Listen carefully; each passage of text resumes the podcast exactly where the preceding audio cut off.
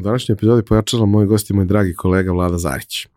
Vladina karijera je e, veoma zanimljiva i krajnje neobična, a seže 20 godina unazad kao i moja i ima dosta nekih sličnosti i kad su interesovanje i kad je životni put u pitanju. Počeo je u KST-u, onda bio u British Councilu, onda bio na MTV-u, zatim u Publicisu i danas je u Ford Ocu. A kroz svo to vreme radi neke zaista sjajne stvari i jedan je od redkih ljudi u oblasti marketinga koji rade stvari koje imaju smisla, a ne samo one stvari koje su na prvu loptu naj, najčešći odgovor na, na pitanje klijenata.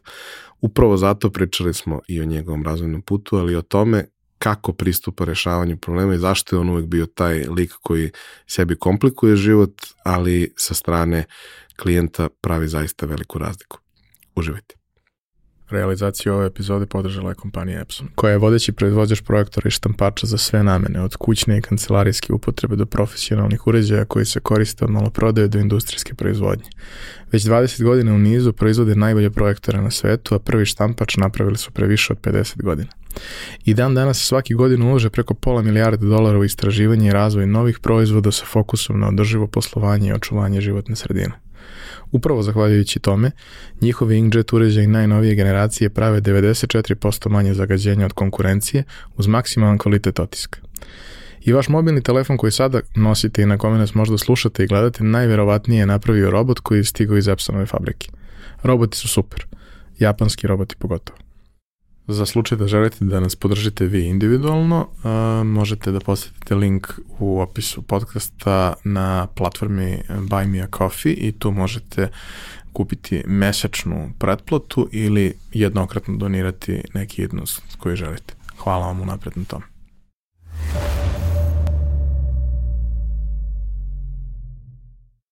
E pa, moj dragi kolega Vlado, dobrodošao. Bolje te naše, hvala na pozivu. Ja volim da, da bi dođu tako neki čudni ljudi, kao što sam i ja, koji vide širu sliku i trude se da sagledaju stvari iz, iz više uglova, a ne ovi jednodimenzionalni koji su našli jedno i samo se drže toga po svaku cenu. Tvoja i cela tvoja karijera i to kako sada radiš svoj posao je zapravo uvijek bilo prožeto time da imaš potrebu da se malo izmakneš da vidiš šta se stvarno dešava, a ne samo da hvataš detalje, iako je đavo u detaljima, naravno. naravno. Ali ajde da krenemo kao što kreće, krećemo sa svima, ovaj, sa mančmelo pitanja. Šta si teo budeš kad porasteš? E, pa možda je i to moje ovaj, izmicanje i posmatranje šire slike upravo negde leži u tom moje prvoj ovaj, zamisli šta, šta bi volao da budem kad porastemo, to je pa, istraživač ili pronalazač. Tu sam se negde ovaj, kao mali, ovaj, u moje vreme, to su bili samo dva programa RTS-a i čuveni opstanak i priča o nekim dalekim krajevima, životinjama, drugim kulturama, sve to i to je meni bilo užasno zanimljivo, a u isto vreme me jako privlačila tehnika, tehnologija, u to vreme mehanika.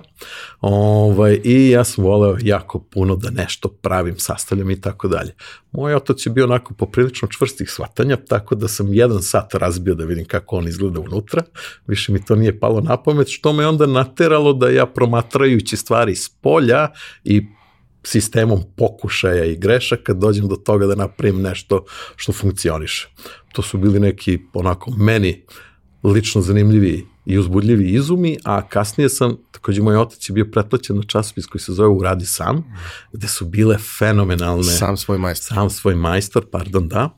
Ovaj, gde su bile sjajne stvari o različitim izumima i pronalascima i sećam se da sam ja to onako kao mali listao, nisam znao da čitam, ali su meni te slike, šeme, uh, ti neki blueprintovi koji su tu bili, bili užasno zanimljivi i u isto vreme i taj ovaj, časopis donosi neke kao vesti iz budućnosti.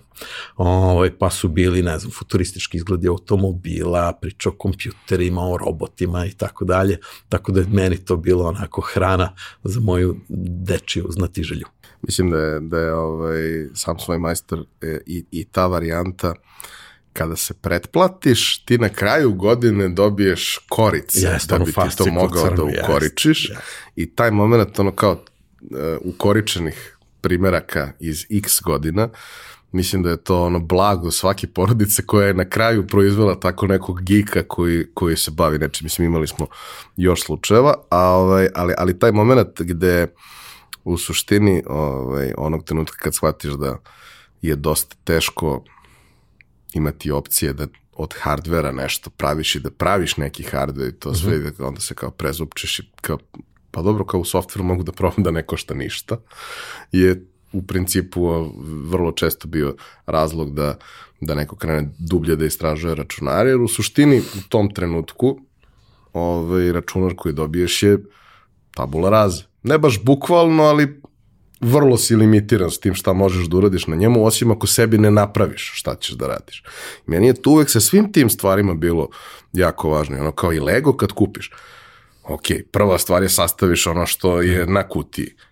I onda to rastaviš i onda pridružiš svim ostalim kockama i onda praviš nešto što se tebi pravi, jer kao to i jeste magija, svako može da napravi ono što je, što je na kutiji.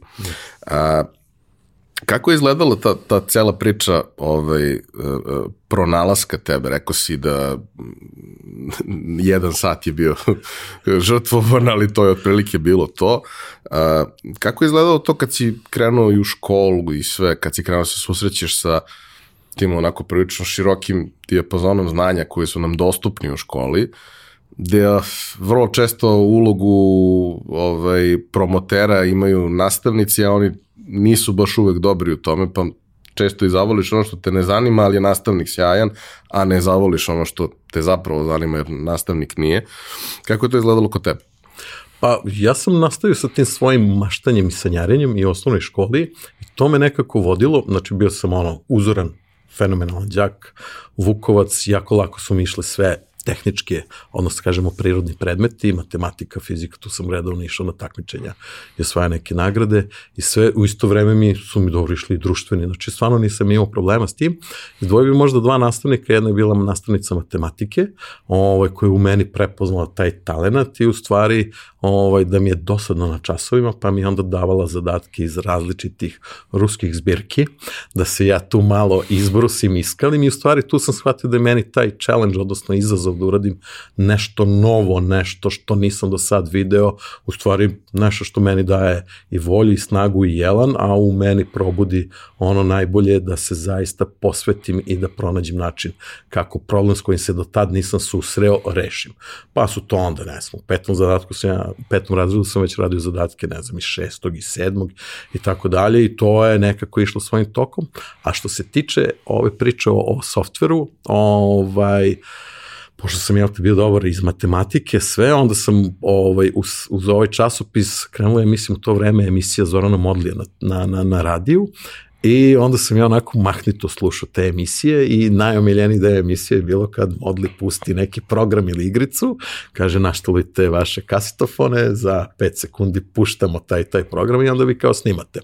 I ovaj, to je sumanuto kao da slušate dva modema kako pričaju, ja sam bez problema to slušao po 10 minuta, iako to vreme nisam imao kompjuter, ja sam bio dovoljno uporan, ovaj, a i moji roditelji su prepoznali kod mene da ću da zaista budem posvećen i sve to ovaj, i uh, rešili su da mi kupe kompjuter. Ali sam pre toga ja bio opet dovoljno uporan i da čačkam i sve i shvatio da tad je bilo na kolarcu. Bio je kurs iz Basica, to je osnovni kompjuterski program, ja sam tamo bio ko maskot, imam 80 godina.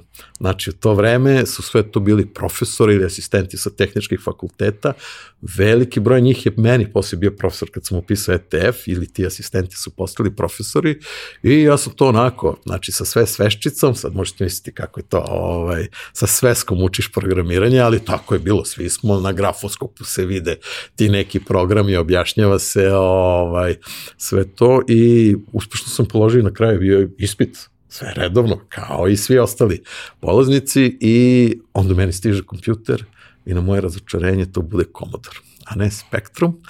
Sem toga što smo tamo na kursu radili ovaj, eh, na Spektrumu, mene je Spektrum oduševio zato što ima taj, nazvaj neki grafički interfejs. Postojale su funkcije gde ste vi mogli nešto da crtate, da se dešavaju neke mrdalice na ekranu, sve. Commodore nešto od toga nije imao u svojoj native verziji. I sad ajde, dobio si kompjuter, šta ćeš, završio si kurs, ja sam tu krenuo. Prvo sam krenuo da radim neke programčiće sam za sebe koje bi meni olakšali školu.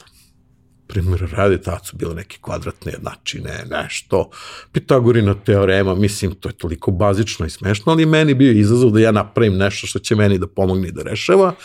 I onda se već pojavio svet kompjutera, ovaj, ili mikrogalaksija, sa više ne mogu da se setim, davno je to bilo. Računari u vašoj kući. Moguće, moguće i to. I ja shvatim da postoji nešto što se zove Visual Basic za Commodore i da se to prodaje na nekom modulu.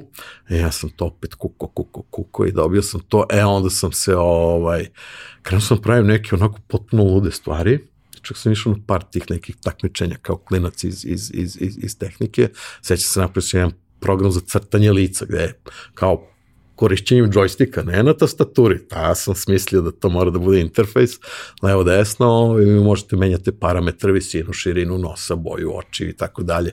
To mi je bilo beskreno zanimljivo i opet sam se vratao u to neko moje maštarenje, odnosno način kako sam ja kroz to što bih voleo da uradimo, imao priliku da kroz te pronalaske, kako sam ih ja dalje doživljavao kroz neku igru, ove stvarno stvari koje su meni zanimljive i koje me vode dalje.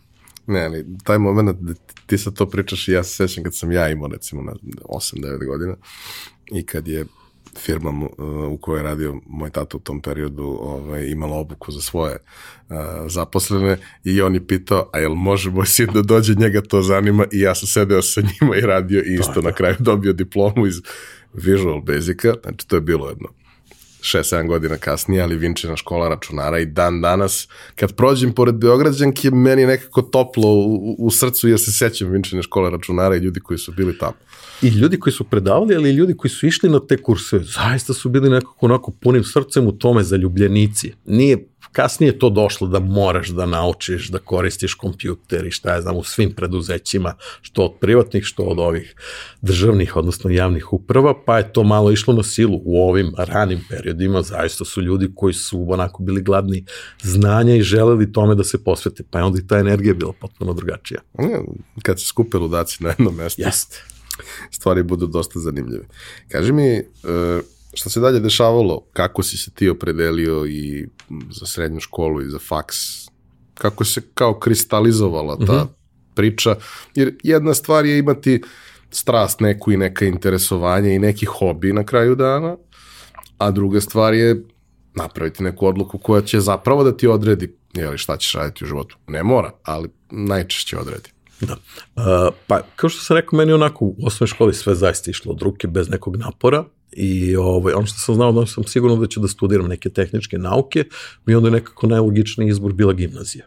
Gimnazija u smislu i to kao prirodni smer, širine nekog obrazovanja, svega i iz nekog razloga sam se ja odlučio za petu Beogradsku gimnaziju, ne znam ni sad zašto i mislim da mi je to bila jedna od najboljih odluka u životu do sad, jer samo da se malo vratimo, ja sam odrastao u Braći Jerković, početkom i sredinom 90-ih, koje nije bilo onako najgostoljubivije mesto ovaj, Pa ne samo u Beogradu, nego i šire, da, razno razni su tu likovi bili, komšiluk mi je bio baš onako, ovaj, uglavnom su se po čituljama završili.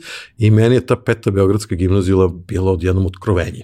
Znači tu sam pre svega upoznao ljude, prijatelje, drugare, odnosno tadašnje učenike, ovaj, s kojima sam, s većinom njih sam i dalje u kontaktu i otvorio mi se potpuno jedan novi svet, što se tiče i muzike, i filma, i književnosti, i nekih interesovanja koje nisu samo to, e, brate, da zavaljamo televizor, maznemo benzin i ostalo što je bilo u mom starom kraju. Ovaj, a takođe sam ovaj, imao sreću da upadnem u odeljenje koje je imalo takvo nastavničko veće, znači svi nastavnici su bili ili su bili bili ovaj, autori knjiga. Ovaj, tu je znači čuvena profesorka Mascarelli iz latinskog vena, iz, iz, iz matematike, ali i svi ostali nastavnici, zaista jedna plejada fenomenalnih ljudi koji su u to vreme, iako jesu oni živeli loše, tad su bile i sankcije i sve, ali nekako su i dalje imali u sebi i taj nagon, ali istinsku želju da u nama probude ono najbolje i da nas preme za neko odrastanje i, i, i svoj život. Tako da ovaj, tu sam zaista jednu renesansu svog, svog ovaj, ono, detinstva, uopšte sad je već to neki adolescenski period i mislim da mi je značajno uticalo ovaj, na to šta ću kasnije raditi i u stvari na te neke životne stavove i kako ću se odnositi prema obavezama i prema poslu i tako dalje. Pre svega sam osetio neki veliki polet, neku veliki onaj vetar u leđa, zaista šta god me je zanimalo ili sam imao o, nekog od svojih vršnjaka s kime mogu da popričam ili nastavnike koji su tu zaista bili otvoreni da nam pomognu, da nas poguraju, pa je tu sem, znači nastavio sam i dalje da ovaj, dominiram iz matematike i fizike, ali sam odjednom shvatio da umem fenomenalno da pišem. Ovaj, tu sam pobeđivo na nekim što internim konkursima u školi, što su bila neka ona regionalna ili kako se to je zvala republička takmičenja, ovaj, zaista sam se baš onako živno i procvetao. Ovaj, I onda dolazi taj trenutak fakulteta, E sad, ja sam inače iz, iz, iz inženjerske porodice, otac i majka su ovaj, građanski inženjeri, ali to Ima što meni... se kaže pravi inženjeri. Je, da, pravi inženjeri, jeste. Ovaj, e sad, meni jeste to bilo blisko i sve, ali opet zbog ovog stalnog koketiranja sa, sa, sa kompjuterima, odnosno sa tim nekim programiranjem, mene nije me to baš 100% privlačilo. Ovaj, moj rezon je bio kod pravih inženjera, sad ovaj, da nikog ne uvredim, o, to što radiš može da se zamisli da se vizualizuje. Znači, mehanika, statika, ovaj, takve te, te, te stvari. I mene je malo više zanimalo ono što se ne vidi i što ovaj, je malo nedokučivo, pa sam se tako odlučio za elektrotehniku. I ovaj, u to vreme, a mislim da i danas ETF jedan onako jačih fakulteta i zahtevnijih, E sad, tu su se malo neke stvari poklopile i preklopile, ovaj, ja malo uljuljkan time što mi sve super ide, mislio sam da će tako da bude na fakultetu i onda ovaj, taj prvi odlazak na fakultet, uh, imali smo neki ulazni kolokvijum iz fizike i ovaj, podeljeni u neke grupe i tamo vamo i u svakom slučaju na tom ulaznom kolokvijumu budu samo tri desetke i ja budem jedan od njih da se razume, to su ljudi sa, iz matematičke gimnazije, nosioci olimpijskih medalja iz fizike i ostalo. Ja kažem, Vladimir, koji si ti car, brate, ti ćeš isto tako da razvoliš i ovaj fakultet. Međutim, nije bilo tako. O, ovaj, u isto vreme su baš ono krenule ovaj, one grozne 90. Ja sam ovaj, krenuo tu malo da lutam, inače sam imao zakasnili pubertet, tako da su mi stigle neke stvari koje, koje sam preskočio u, u srednjoj školi i onda sam krenuo da radim.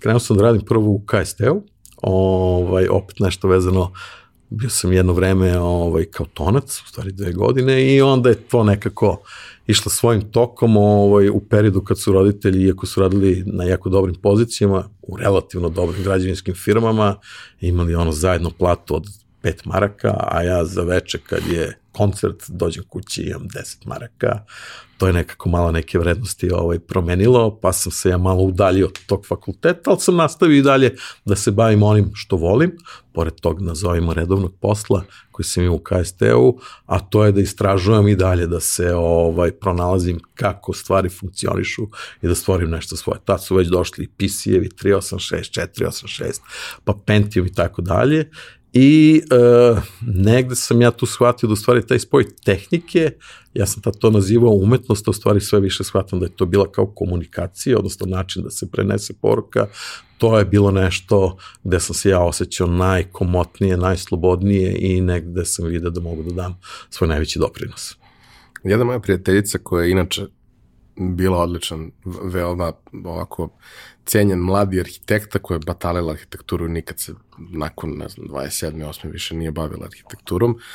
Vrlo rano je prešla u gaming industriju. Dok to nije bilo ovoliko dostupno uh -huh. svima i nije bilo toliko cool, ona je iz nekog rada u 3D-u prešla u gaming i hvala Bogu već više od 15 godina je u tome i više se čak i ne bavi operativno ničim od toga nego na nekom nivou art direktora. Kad sam ja pitao, dobro kao, brate, ceo život želiš da budeš arhitekta i sve što si radili i svi ti njeni radovi dobijali nagrade i on kaže, vidi, ja sam nacrtala toliko toga i nikad ništa od toga nisam videla uživo da je napravljen. Uh -huh. Znači, nijedan od tih projekata, bez obzira na nagrade, na sve, nikada se nije desio. A opet, kroz sve što radim sam ograničena svetom onoga što je moguće. Znaš, kao ja mogu da nacrtam bilo šta, ali ne smem da nacrtam ništa što nije moguće da se napravi. I kažem da sam prešla u, u posao gde, ok, nisam ja baš sama sve određujem daleko od toga, ali mi smo neki relativno mali tim ljudi koji donosi odluke, mi pravimo svetove koji nisu mogući ali ti ih vidiš i možeš da, ne možeš da ih opipaš, ali gotovo da možeš i da ih opipaš. Ono, vremenom su igre postale toliko realne da više ne postoji nikakva razlika, ti suštinski se utopiš u taj svet potpuno. Da. Znaš, sećam se, ne znam, ono, Far Cry je bio prva, prva igra kod koje sam ja imao tu vrstu osjećaja kao da si ovo, ovo više nije uh, render vode, ovo je voda, jer se ponaša kao voda. Naravno, sad, sad je to sve smešno, Da, ali, da, da, da. ali tad je bilo neverovatno i kao ta neka potreba da sva ta neka ograničenja kojih oko tebe ima beskonačno, posebno u tom periodu u kome pričaš, da prevaziđaš time što ćeš suštinski da pobegneš u, u, u neki drugi svet koji ćeš sam da stvaraš, je u suštini način na koji je većina nekih dragih, dobrih, kreativnih ljudi preživela taj period. Jer kao sve oko tebe je sumorno. A taj beg u petu Beogradsku, pazi, peta Beogradska je bila vrlo blizu kraja u kom sam ja živeo i bila je prirodni nastavak osnovne škole za većinu mojih drugara, ili peta ili prva. Prva ako si baš bio vrhunski đak i, i namerio si da ostaneš takav. A peta je uvijek bila mesto na kome je, je ono kao bila plejada nekih vrlo koloritnih likova koji su se uklapali. Znači, niko ih nije odbacivao zato što su drugačiji. Ja se sećam, bio sam klinac, bio sam to nešto, možda prva, druga godina, kad me zove tadašnja devojka i kaže, idemo na predstavu u petu. Ako, kak, kakvu predstavu? Ne kao ti, ne znaš, oni imaju scenu u okviru da, da. kao škole. I ja dođem i stvarno, post, mislim, mala je prostorija, relativno mala je publika, ali ti imaš malo pozorište u okviru škole. Imaš ono školsko dvorište koje je kultno i po turnirima, uh, u i, futbalu, u rukometu, šta je, ali isto je okupljanje i koncert. Okupljanje koncerti i ceo taj moment da kao grlom u jagode se dešava Jest. u tom dvorištu. Jest. Iza tog dvorišta, kao kad, kad daleko odeš 10 koraka iza tog dvorišta, je stadion koji jeste u tom periodu bio dosta raspadnut, ali mi smo igrali tamo košarku i tamo se išlo na, na klizanje i sve to i kao bukvalno bio si na, u, u, u, u kulturološkom centru grada i sve ti je bilo na 50 koraka i Tašmajdan i pravni Bonafides i KST i SKC i, i Skupština ko voli, jeli, ovaj svet je nekako bilo tu. I e, crkva Svetog Marka i tako dalje, i RTS. Ovaj, ali mislim da to jeste, znaš, taj moment kao osjećaš se skučano i ograničeno da ta potreba da vidiš da nisi jedini čudan i da te neko prihvati iako si čudan, mislim da peta jeste stvarno bila jedno magično mesto ono, pa decenijama za tako nešto. Ne znam kako je sad. Ja sam u petu mm -hmm. doživao užasne stvari pre par godina, kada su mi klinci ovaj, na nekim predavanjima koje sam držao sa, sa drugarom za, za taj neki njegov NGO, kada su mi klinci uh, iz četvrte godine na predavanju da im pričam o tome kako digitalizacija u principu preuzima lagano mnoga zanimanja i kao šta ćete raditi kad porastete, pa ja ću da budem, ne znam, knjigovođa, pa vrlo verovatno knjigovodstvo u klasičnom smislu neće postoji za 20 godina, neće sve da radi software. I odeljenje kome razredni ovaj, profesor veronauke, devojka, ja pričam to i devojka ustaje iz tipa trećeg reda, upire prstom u mene i viče ti dehumanizuješ društvo, ti si demon. Ali dobro, i to je, o, ovaj, koliko god sad smešno zvučalo, je ta, taj kritički stav prema svetu, pojavama ovaj, i nekim drugim stvarima se zaista u moje vreme jako puno negovao u petoj. Moj sad stari sin ide u petu u Beogradsku, ne sve sad to da poredim, pošto će da sluša ovaj podcast i onda će da bude, ovaj, ajde da ne budemo ono staro zvocalo koje kaže u moje vreme. Mislim da svaka generacija ima nešto svoje, ne mogu sad da poredim ni druge škole u odnosu na petu kakve su trenutno, ali opet mislim da je ovaj, baš zbog svega ovog što si rekao s neke specifičnosti, jeste magnet za različite likove i različite ovaj, ljude, tako da tu onda nastane neki dobar miks svega i imaš mogućnost da upoznaš, da čuješ, da probaš, da shvatiš da nije sve samo ono što je mainstream, već da ima tu neke drugih stvari takođe. I sećam se tog momenta, znaš, ti neki, to neko društvo s kojim sam ostao u kontaktu još ono, iz osnove pa u srednjoj školi, kao ti ljudi koji su išli u petu, neki koji su išli u treću, oni su imali to kao deo su sekcije za glumu, deo su sekcije Ja sam išao za na glumačku sekciju i glumio na tim I predstavama. taj moment kao, e, kao formirali smo bend. Ništa ni od jednog od tih bendova nije bilo. Ali ja, i- dobro, ja nemam sluha, ali re, re, hipotetički da imam sluha. Ja nisam mogao da formiram bend u mojoj školi. Bilo nas je jako puno, ali tako nešto nije postojalo. Jednostavno nije postojalo. Imali smo neke druge stvari jer je bila inženjerska škola, mogo si da napraviš tim za kanter uvek i mogo si da napraviš ono, ako treba se pravi neki softver, našlo bi se jedno troje, četvoro koji bi mogli nešto da urade. Ali za tako neke kreativne stvari apsolutno nije bilo nikakvog prostora niti, niti ideja. Ovo je na neki način taj ono melting pot Jeste. ovaj, možda najbolje oslikan u tom periodu baš kroz tu školu. E sad, ovaj, ti si otišao na fakultet koji je ozbiljan, težak i sve to, a u okviru koga se nalazio KST. da. koji je realno jedno od kultnih mesta u tom periodu i dan danas ima svoju magiju, ko voli. Ovaj, kako je bilo biti deo te, te priče? Mislim, ti prvi put imaš neku realnu odgovornost tu, jer ako ne bude nešto kako treba, bit će problem. Da. Ovaj, pa prvo, to je bilo, tad se SKC već gasio, akademija je još uvek postojala, tako da je KST ostao jedan od svetlih, kao da nazovemo tačaka, gde je malo moglo da se čuje ta se to zove alternativna muzika kako god, ali nešto što je van mainstreama i onoga što je, tad su već počele da, da, da, da ide turbo folk i da, da preuzima ovaj primat i, i ovaj lagane dance bendovi i, i, ovaj, i kod nas.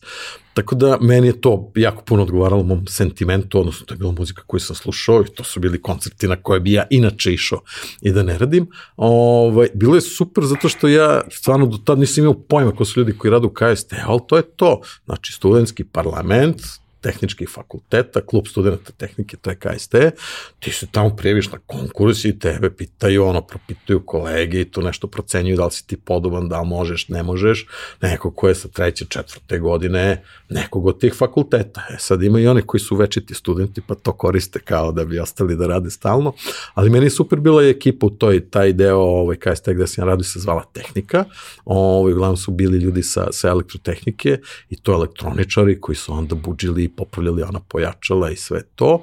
Ovo, I su tu baš onako kao climbing the corporate ladder, samo na tom nivou KST-a, prvo kreneš pa motaš kablove, jedno ono, mesec, dva dana, pa onda ti daju da te kablove ćušneš u mikrofone, pa onda malo kreneš da možeš da pipneš miksetu i tako dalje. I onda ako imaš i sluh i zaista si posvećen tome i možeš to da predvidiš, a situacije su nepredvidive, kad imamo, ne znam, koncert Goblina gde dođe jako puno veselih drugara i svi imaju čaše ili flaše sa pivom podignutim koje leti na sve strane. Vrlo verovatno je da će neki mikrofon ono da crkne, da će da krene nešto da zuji, da će kablovi da se počupaju, tako da je to baš bilo onako jedan posao za komanda se, ovaj, uspešno sam se snašao tu i stvarno mi je bilo super, to je zaista bilo. S druge strane, bio sam omiljeni u društvu, da sam mogu da uvedem koga hoću na te koncerte, tako da ovaj, sve je imalo nekako ovaj, i, i, i taj statusni simbol, a s druge strane meni je bilo užasno zanimljivo. Kažem, opet bio sam u nekom epicentru de, dešavanja, to je ono muzika i scena koja me u to vreme jako privlačila i dalje volim da slušam sve te bendove ovaj, i onda mi je bilo to skroz sjajno. A e, koliko je tu bilo prostora da zapravo učiš? Uh, naravno, kad sam došao, pojma nisam imao ništa. Ni šta je običan mikrofon, šta je ovaj, kondenzacijski mikrofon, pa kako rade pojačala, pa zašto i šta oko uzvučenja, kad sam vidio miksetu prvi put, ja sam bio u fazonu, ok, ovde ima 218 dugmića, aman ljudi kako znate šta je šta i tako dalje.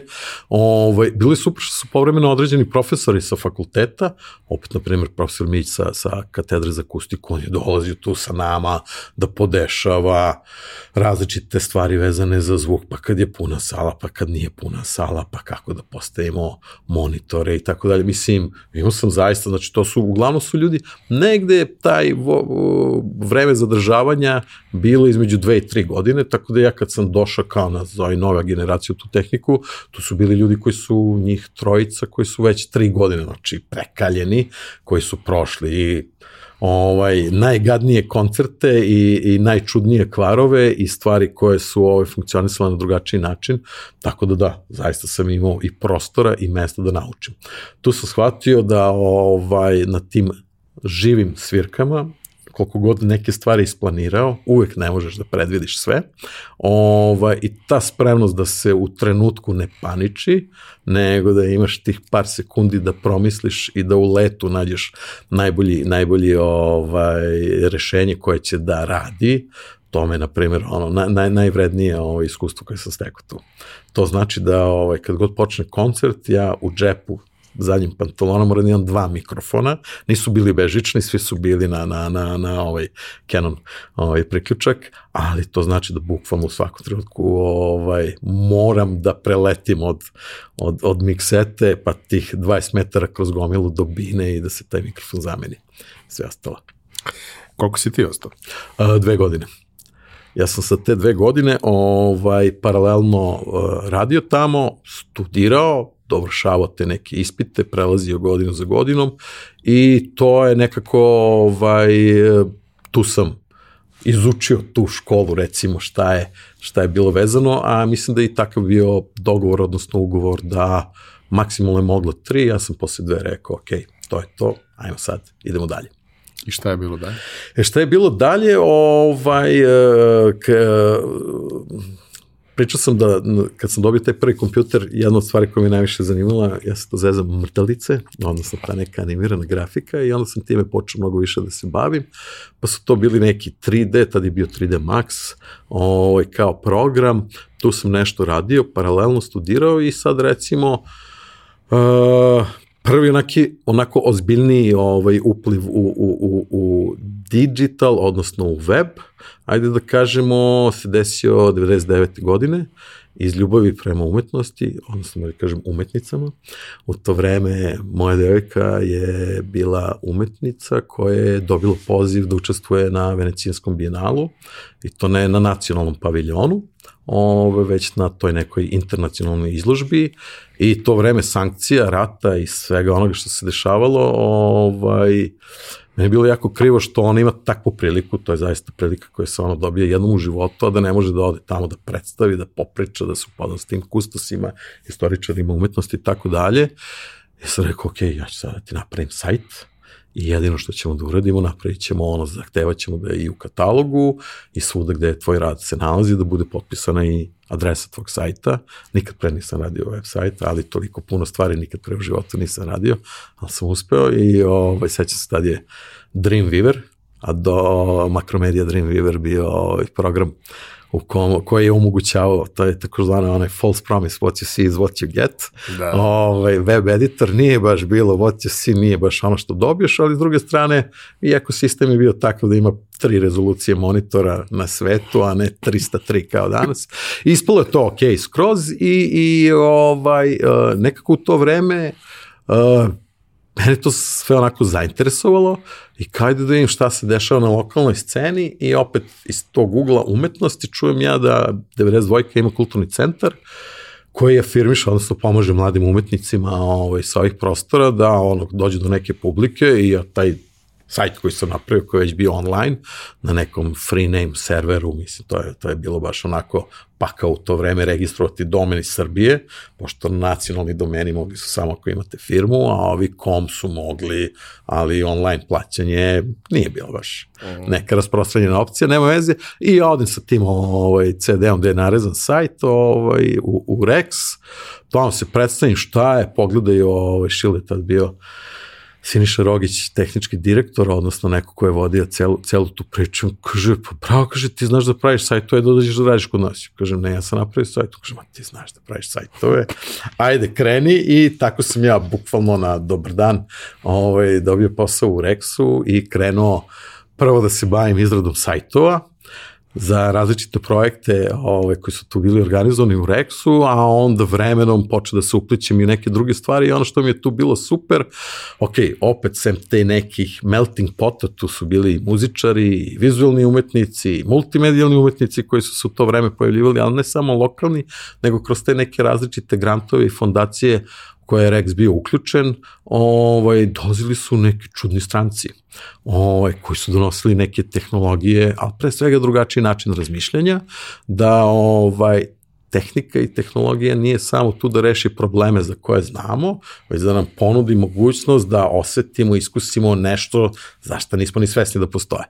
E, i onda sam se ja tu zaista onako potpuno zapalio, znači sve više sam nekako to programiranje i taj coding ovaj, ostavljao malo sa strane, a mnogo više se bavio ovaj, promišljanjem, smišljanjem, da kažem nekom strategijom šta i kako može da se napravi. Ovaj, u to vreme platforma koja je meni bila fenomenalna, to je Flash, opet je jedan platforma iz makromedije i ovaj, to su bili neki formati kao nekih multimedijalnih prezentacija, radio sam i komercijalne stvari, se ne lažemo, Simpov katalog za ovaj salon u Milanu, nameštaja i takve ostale stvari, ovaj ali uglavnom su bili ovaj ili za, za neke bendove, radio sam sajt za Dark Food Up, ovaj, oni su bili moji prijatelji i drugari i tad i nekako tu sam želeo da se pokažem to stvarno izgledalo vrhunski dan danas, žao mi što više Flash ne može redko gde da se pokrene, pošto je onako zabranjena, zabranjena platforma, ali zaista ovaj, tu sam se mnogo više bacio na taj, ajde da kažemo neki deo koji se tiče komunikacije, ali komunikacija u onom smislu kako preneti u, u doživljaj ideju na digitalne medije. I kroz te neke projekte na kojima sam radio, onda sam došao i do, ajde da kažemo, prvog velikog posla, to je British Council. Ne, ali e, samo jednu stvar, uh -huh. ono, dodatno malo ispričamo. Taj moment sa Flashom je suštinski prvi trenutak kada internet stvarno postaje multimedijalan i interaktivan. Mogao je on i pre toga, ali to realno nije funkcionisalo, naročito nije funkcionisalo sa dial-upa i veliki problem je bio što zapravo možeš ti da postaviš snimak, teoretski neko može i da ga skine, ono, znalo se, skida se po 2 sata MP3 da, da, od 3 da, da. MB, možeš da postaviš i video, teoretski neko može da ga skine, ali realno, vrlo verovatno će imati problem sa time, ali najveći problem je veza je nestabilna i ti ne znaš koliko ti zapravo vremena treba da se nešto desi. Ako je tu u pitanju klasičan video, on je ono, format, da kažemo, serije fotografije, koliko god da ga kompresuješ, i dalje je veliki, i dalje je kabast, ako ga staviš u niskoj rezoluciji, onda gledaš poštansku markicu na ekranu i to baš nije pretarano interesantno. A Flash ti donosi tu mogućnost da ukoliko to nije video, ukoliko je to crtana grafika, ukoliko su to vektori, oni mogu da budu jako mali i mogu da radiš šta god hoćeš po ekranu i da to izgleda beskrajno efektno. Pa onda kažeš, pa dobro, ali to linijski nije toliko interesantno. Pa da, ali linije mogu da imaju mnogo karakteristika koje nisu na prvi pogled ono što bi nacrtao rapidografom. Dakle, nije, nije poenta u tome. Samo je poenta da može da se opiše kao vektorska stvar. I ljudi su pravili neverovatne stvari. Sa jedne strane to animacije, vrlo atraktivni prikazi sa muzikom, sa svim tim stvarima. Druga stvar – pravili su interaktivne stvari. Po prvi, pr, e, po prvi me, me, mene to najviše privuklo ta interakcija, do tad je web bio poprilično mrtav, sve ovo što danas vidimo, ove efekte, hover, pa se nešto promeni boju, promeni fokus, font promeni boju, što ja znam, ono što mislimo da to je uvek tu, to nije bilo tako u davna vremena. I ovaj, a Flash je imao tu mogućnost da vi zaista imate sad neko kretanje, neku animaciju koja zaista da, vama daje feedback ili kad stavite negde miš ili kad negde kliknete te neke tranzicije između različitih ekrana i nekako je bilo odjednom neko plemenjeno iskustvo. Nije više samo tekst koji je malo obojen, koji ima slika, kažem kao loš PowerPoint, već kao PowerPoint koji ima nabuđene Napuca. sve one tranzicije, animacije, zezalice i sve ostalo i to zaista jeste kod ljudi izazivalo ovaj, onako wow efekt, a mene je to wow uvek bilo nešto što me, što me ložilo ovaj, da uradim nešto što će kod drugih izazvati taj wow efekt. Dobro, odlazak u British Council odakle uopšte ta priča? A, radio sam sa njima na par nekih projekata, opet je Flash bio poveznica, ovaj, oni su British Council kao kulturna institucija, da kažemo ovaj, Ministarstvo spoljnih poslova Velike Britanije, oni su radili na afirmaciji što edukacije, što umetnosti i tako dalje i ja sam sa njima radio par nekih projekata koji su pokupili silne nagrade ovaj, na nekim festivalima, a i kod njih interno ocenjeni kao najbolji New Media Projects, to se tako zvalo u to vreme, i ovaj, to je bilo 2004. oni su raspisali oglas za, za radno mesto, treba im neko ko će da se bavi sa njihovim web sajtom, samo za Srbiju, I ovaj prepoznavši da smo radili zajedno, ovaj a u to vreme nije bilo baš nešto nijaka konkurencija, moram da priznam. Ovaj ja sam tu krenuo da radim I sad opet iz te znaš ti želje, kako vam kažem, održavanje jednog sajta, ne tehnički, nego sa sadržinske strane, bi bilo prilično dosadan posao, pogotovo što se to dešavalo dva put mesečno da se nešto novo objavi.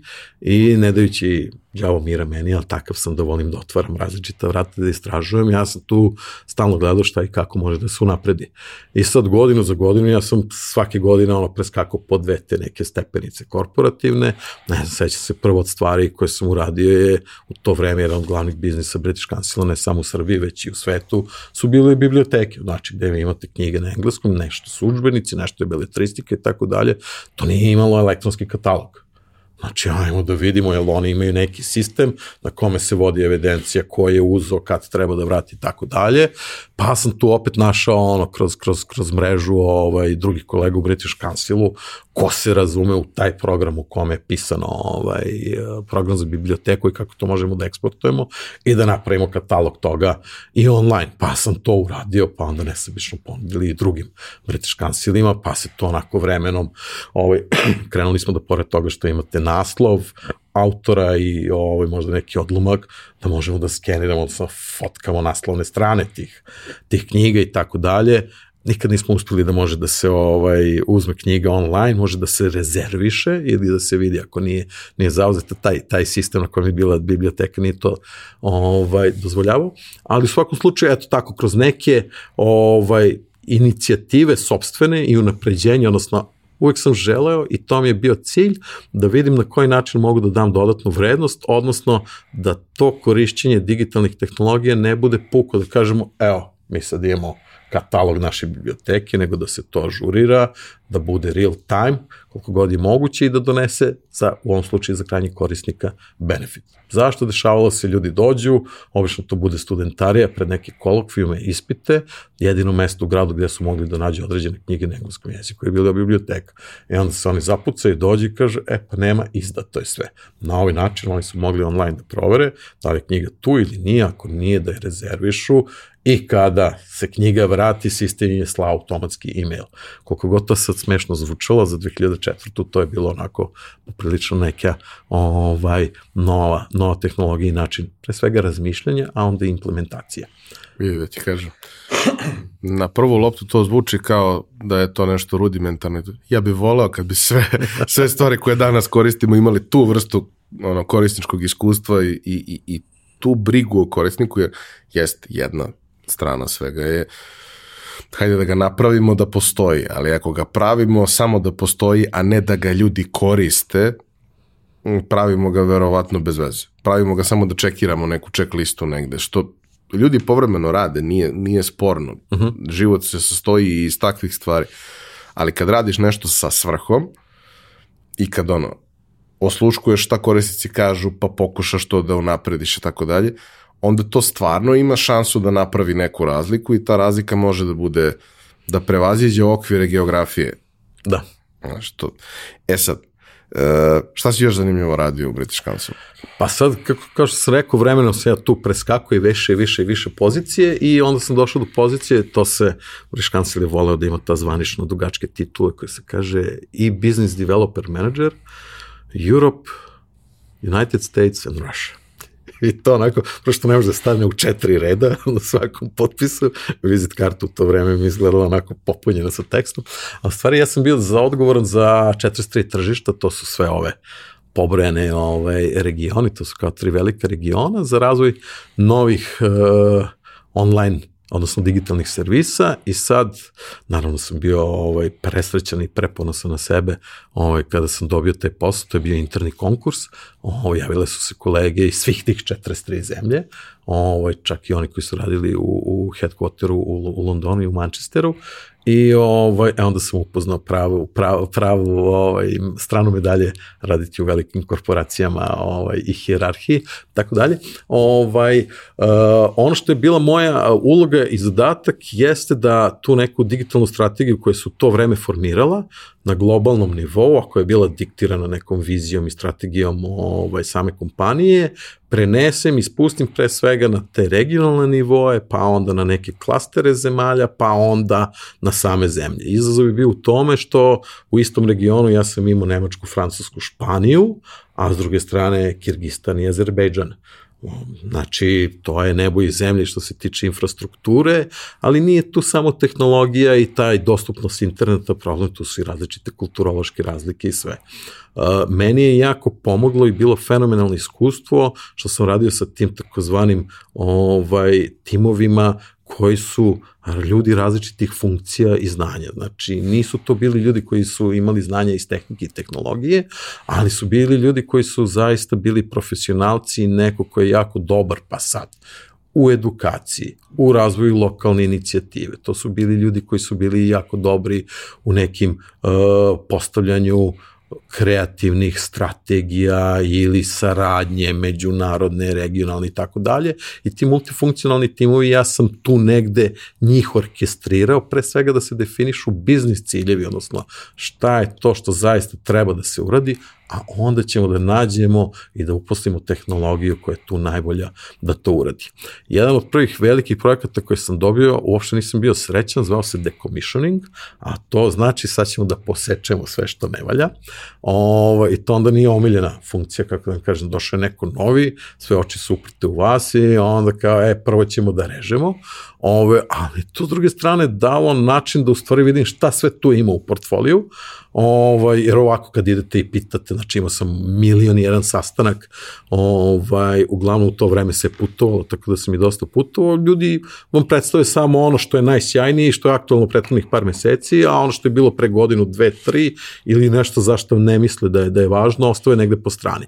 E, brljajući po tim gomilema i gomilama ovaj, projekata koji su nekad pokrenuti, a nikad ugašeni, a troše pare, kako da vam kažem, ovaj, sam hosting i internet, ono, zakup internet domena, u to vreme je bilo neka cifra oko 25 evra, pa sad vi vidite da je bilo, čini mi se, 1100 internet domena, to je onako respektabilna cifra na godišnjem nivou, pola toga više niko ne zna šta je, ali kad je uzimao servis, oni su rekli da renew automatically, u stvari tad su stizale fakture i to se plaćalo.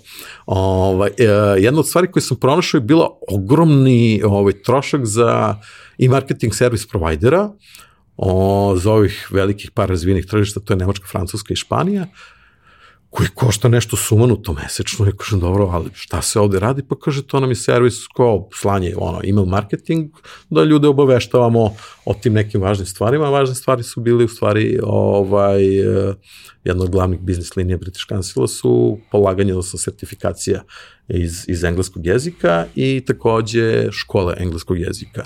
I kao to je to služilo. Hvala, prijavili ste se, vaš ispit je tad, hvala, položili ste, ovo su vaši rezultati i tako dalje i to je bilo, kako da kažem, jedan ono customer care koji je služio samo da zadovolji formu da se digitalizuje ta forma koja inače ranije bila ili usmeno ili zaista pisance pa se pošalje. I da, shvatim ja tu da tu postoji neviđena potencijal i mogućnost da se ostvari ta ogromna baza iskoristi ne za one-off kao informacije i servisno, ono kao samo funkcionalno ovaj, informisanje komunikaciju, već pošto tih različitih programa za polaganje engleskog jezika, a i samih kurseva iz engleskog jezika ima mali milion i da je neko ko dođe i polaže taj first certificate in English, dok ne dođe do onog proficiency ili business English, pa sad business English imaju for medicine, for engineering, i tako dalje i tako dalje, znači da to postoje nekih deseta godina između toga i da to sve velika prilika i mogućnost da se kroz jednu automatizaciju, odnosno potpunu segmentaciju te liste napravi dobar CRM koji će onda da bude jedna mašina koja će tu da ovaj radi za sebe, a ostvaruje biznis ciljeve. Tako da smo krenuli polako sa tom implementacijom, pre svega na tim velikim tržištima gde osobe kada polože ili odslušaju neki kurs, onda se prevode, dodaju u sledeći i sad to nije bilo samo osmisliti, odnosno napraviti takvu ovaj, te trigere i taj neki flow, odnosno sekvence u, toj, u tom CRM-u, već je bilo potrebno sa druge strane osmisliti šta je to što treba ponuditi ljudima, opet se vraćamo na taj customer care, odnosno dati dovoljno sadržaja, odnosno kreirati strategiju sadržaja, content marketing, da vi već te stvari imate na nekim sajtovima, na nekim platformama, nešto su bile aplikacije, nešto su bile Facebook aplikacije, gde vi možete da ostvarite inicijalni engagement i da dodate tu dodatnu vrednost koju bi ljudi kroz onu komunikaciju koja im stiže kroz e-mail, a to je taj direktan marketing, rekli, aha, to je ovo, da, hoću, da, želim, idem dalje i nastavljam. Kao posledica svega toga bili su super rezultati, slagaću, ne mogu da se setim tačno, ali sa nekog tog kao customer lifetime value, odnosno koliko su imali prosečno po jednom korisniku, koji je bio negde oko 150 funti, vrlo brzo, za manje od godinu dana je došla ta cifra duplirana, odnosno nešto preko 300 funti. I to je, na primjer, eto, jako dobar primer ovaj, kako može zaista da se, da se stvar koja, eto, tad, kako se reklo, ovaj, stajala sa strane, imala samo jednu funkciju i namenu, može da se iskoristi na mnogo bolji, efikasniji, efektniji način, da postane ne levo smetalo i nužan trošak, pošto kad sam radio taj ono kao decommissioning review, to je bilo ne, ne, to moramo, to nam je način da obavestimo korisnike kad je ispit i ovaj, kad, su, kad su stigli rezultati, da u stvari može da se uposti da bude jedan fenomenalan generator, odnosno jedan tool koji će da omogući dodatne ono streamove za biznis. Mislim, Pričat ćemo kasnije o tome kako sada dosta radiš sa klijentima koji su fokusirani negde na e-commerce, jer 2022. godine sve je e-commerce, možemo i da pričamo da nije, ali sve je e-commerce. Ali upravo taj moment razumevanja potrebe korisnika i davanja prave informacije u pravom trenutku. Znaš, činjenica da ti o svom korisniku ipak imaš neke podatke, ako znaš da ti trebaju, možda možeš da prikupiš i neke druge. Uh, I onda na ispravan način postavljeno to šta ćeš komunicirati i kako ćeš komunicirati je jako važna stvar. Ja se sećam pre, pa mislim ima recimo 11-12 godina, pre 2010, znači tu negde. Imao sam sličnu situaciju gde ovaj, od uh, revenue streamova jedan deo je bila evaluacija, uh -huh.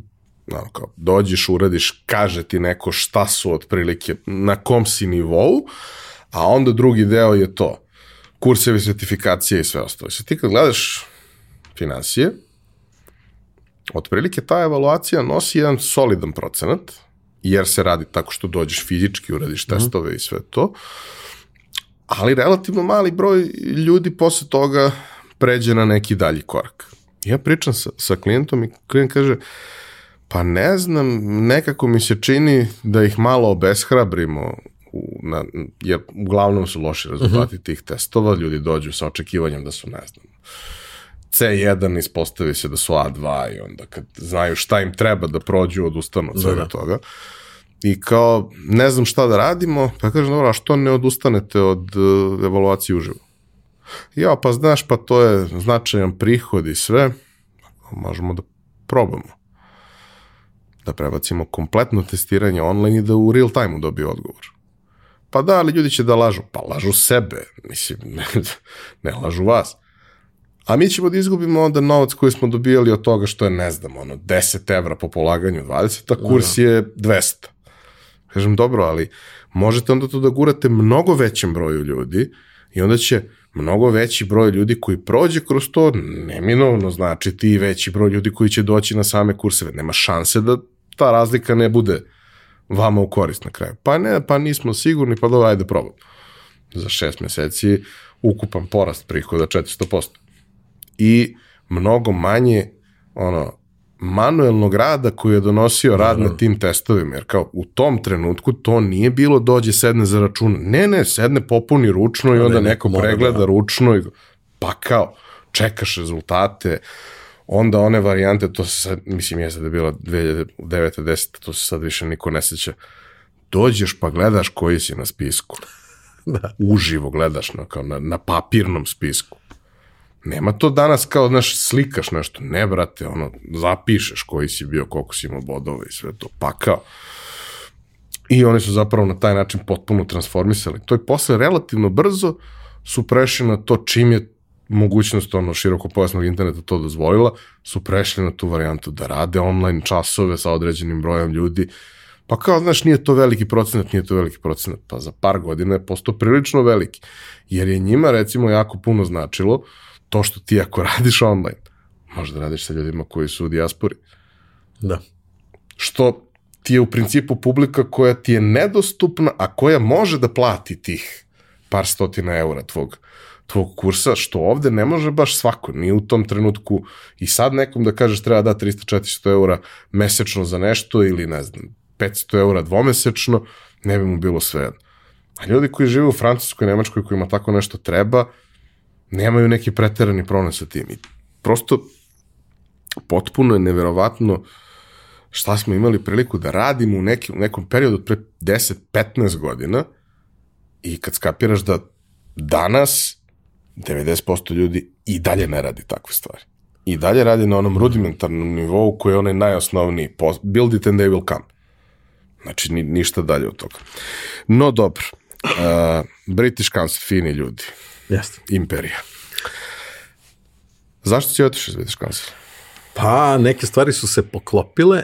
Uh, pre svega krenula je velika ekonomska kriza 2008 pa se to prelelo na devetu, pa na desetu i jednostavno ceo taj neki digital team koji, čije sam ja bio član, koji broja nekih 30 ljudi, ovaj, neki od nas su bili razbacani po regionima, ostatak je sedao u Manchesteru da je bio headquarter, bukvalno je rasformiran, ostali smo moj šef i ja, mene nisu hteli da puste zbog rezultata koje sam imao, plus to sam za, ovaj, nisam stigao da kažem, ovaj, na osnovu toga što sam iz godine iz godinu imao taj exceptional performance, dobio sam priliku da biram gde ću šta ću da radim i odnosno da se edukujem i u to vreme, to je bilo 2009.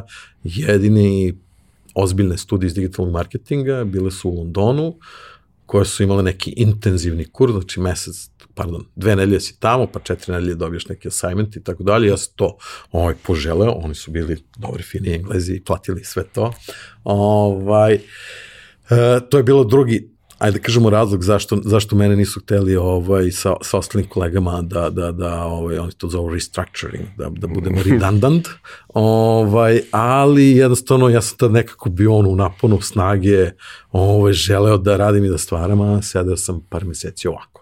Znači, budžet koji sam imao recimo prethodne godine koji se pisao sa sedam cifara, odjednom je pravo sa malih šest, što je taj raspon šest cifara vrlo veliki i dugačak i onda vi kad pogledate 43 tržišta sa takvim budžetom imate tržišta kao što sam napomenuo, kao što su Engleska, Francuska i Španija koji su vrlo kompetativna, jer tamo nije British Council jedini koji pruža te usluge, on shvatite ne možete da uradite ništa i to je bilo stalno čekanje, pa se sve to i ta neka velika digitalna strategija koja je trebala da donese i nove web sajtove i nove servise i ostalo onako stavila na hold. Uh, I nekako, a ja ovamo ovaj, pun znanja i neverovatnog iskustva sa tih, sa tih studija, ovaj, o tome bi mogu samo da pričam satima, ovaj, onako željan da nešto radim, otvori mi se prilika, odnosno headhunteri koji su ono radili za, za u stvari više bila neka prijateljska varijanta, pa onda poslije neki headhunteri, kao MTV je tad doživljavao svoju drugu mladost ovde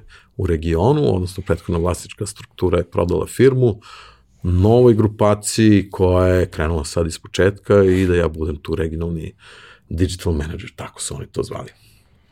I to je bio, ajde da kažemo, razlog, zezali smo u British Councilu, zašto sam zamenio ovaj, suit, odnosno svoje odelo, ili tamo vrlo formalni način oblačenja za majice i karirane košulje.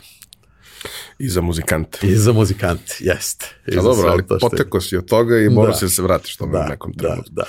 Šta je značilo, ovaj, pričao nam je i, i, i Nikola, Nikola kako jest, je izgledalo iz njegovog jest. to ugla sve, ali šta je značilo iz tvog, pošto suštinski i tu si negde uveo revoluciju.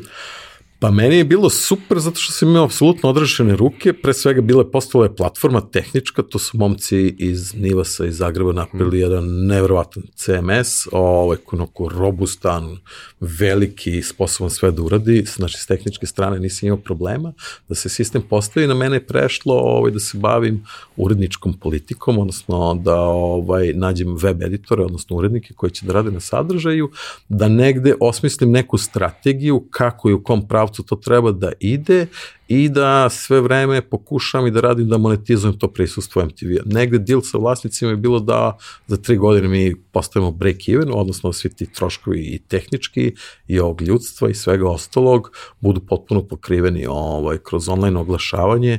Moram priznati, meni je bilo drago, to smo uspeli da uradimo već u prvoj godini i ono što su hteli da kao usput prodaju uz TV reklame ovaj, ubace i ponude banere za besplatno, vrlo brzo smo došli do kontra stvari. Šta je meni tu bio najveći izazov? Prva stvar, to je Nikola pričao, ovaj, znači dolazak na MTV, MTV koji ja pamtim je ovaj, sve ono što sadašnji MTV nije, tu ima 20% muzike, a ostatak je seriality, odnosno taj scripted reality, ja kažem, majko mila, gde sam došao, ali tu i dalje postoji taj neki vibe, jako je bila dobra ekipa, uključujući kolegu Nikolu, ovaj, on je bio muzički urednik, i sad tu mi krećemo da čačkamo, da gledamo. Prvi problem sa kojim sam se susreo, publika koja je na MTV-u su tinejdžeri, znači njihova core publika su 13 do 19, koji su neuhvatljivi, koji su neviđeni shifteri. I kao, jedne nedelje je jedno aktuelno, bitno važno i sve, a onda cancel kultura kaže sledeće nedelje to je awkward, to je ćao, to je cringe, a idemo sa nečim drugim. I ovaj, u takvom smislu kreirati neku onu uređivačku politiku, dati usmerenje šta ćemo i kako ćemo, je bilo nemoguće. I onda smo mi, a MTV, by the way, ima jednu, ovaj, možda najveća stvar koju sam pokupio za MTV, oni kažu don't teach, don't preach, show them.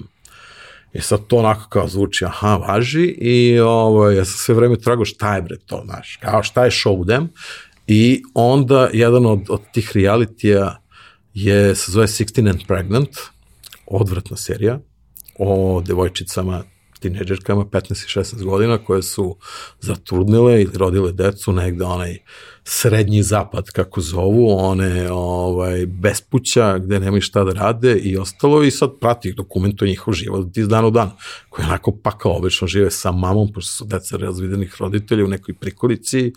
Njihov otac partner ili kako god se zove ovaj, tog, tog malog deteta koje je rođeno je još gori white trash i sve to onako baš, baš mo, mučno i bolno za gledanje, a onda shvatim da je to urađeno kao kampanja u dogovoru sa ministarstvom, jel te kako se sad, da li to zdravlja ili planiranje porodice, koje decenijama ima problem sa tom tineđerskom trudnoćom.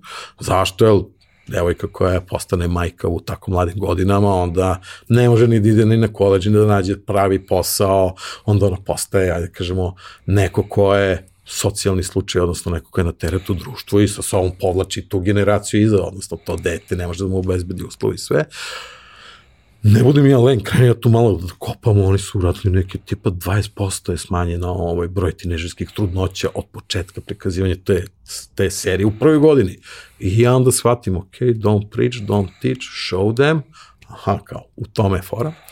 I ovaj, onda krenemo da radimo neke stvari u dogovoru sa, sa, sa ima sam super ekipu ovaj, web urednika u svakoj zemlji po jednu ili dve osobe, a to je bilo znači Slovenija, Hrvatska, Srbija i Bosna, iz Srbije smo pokrivali ovaj, Crnu Goru, probali smo u Makedoniji, nije, nije, nije išlo, da u stvari pronalazimo, klinci su tu našli negde sigurno utrčište da komentarišu, pišu, međusobno razmenjuju neke iskustva od najbizarnijih stvari. Zašto je Lady Gaga obukla neke čizme, do toga da li Katy Perry treba nosi perike u spotovima, znači sve bitne, krucijalne stvari za njih.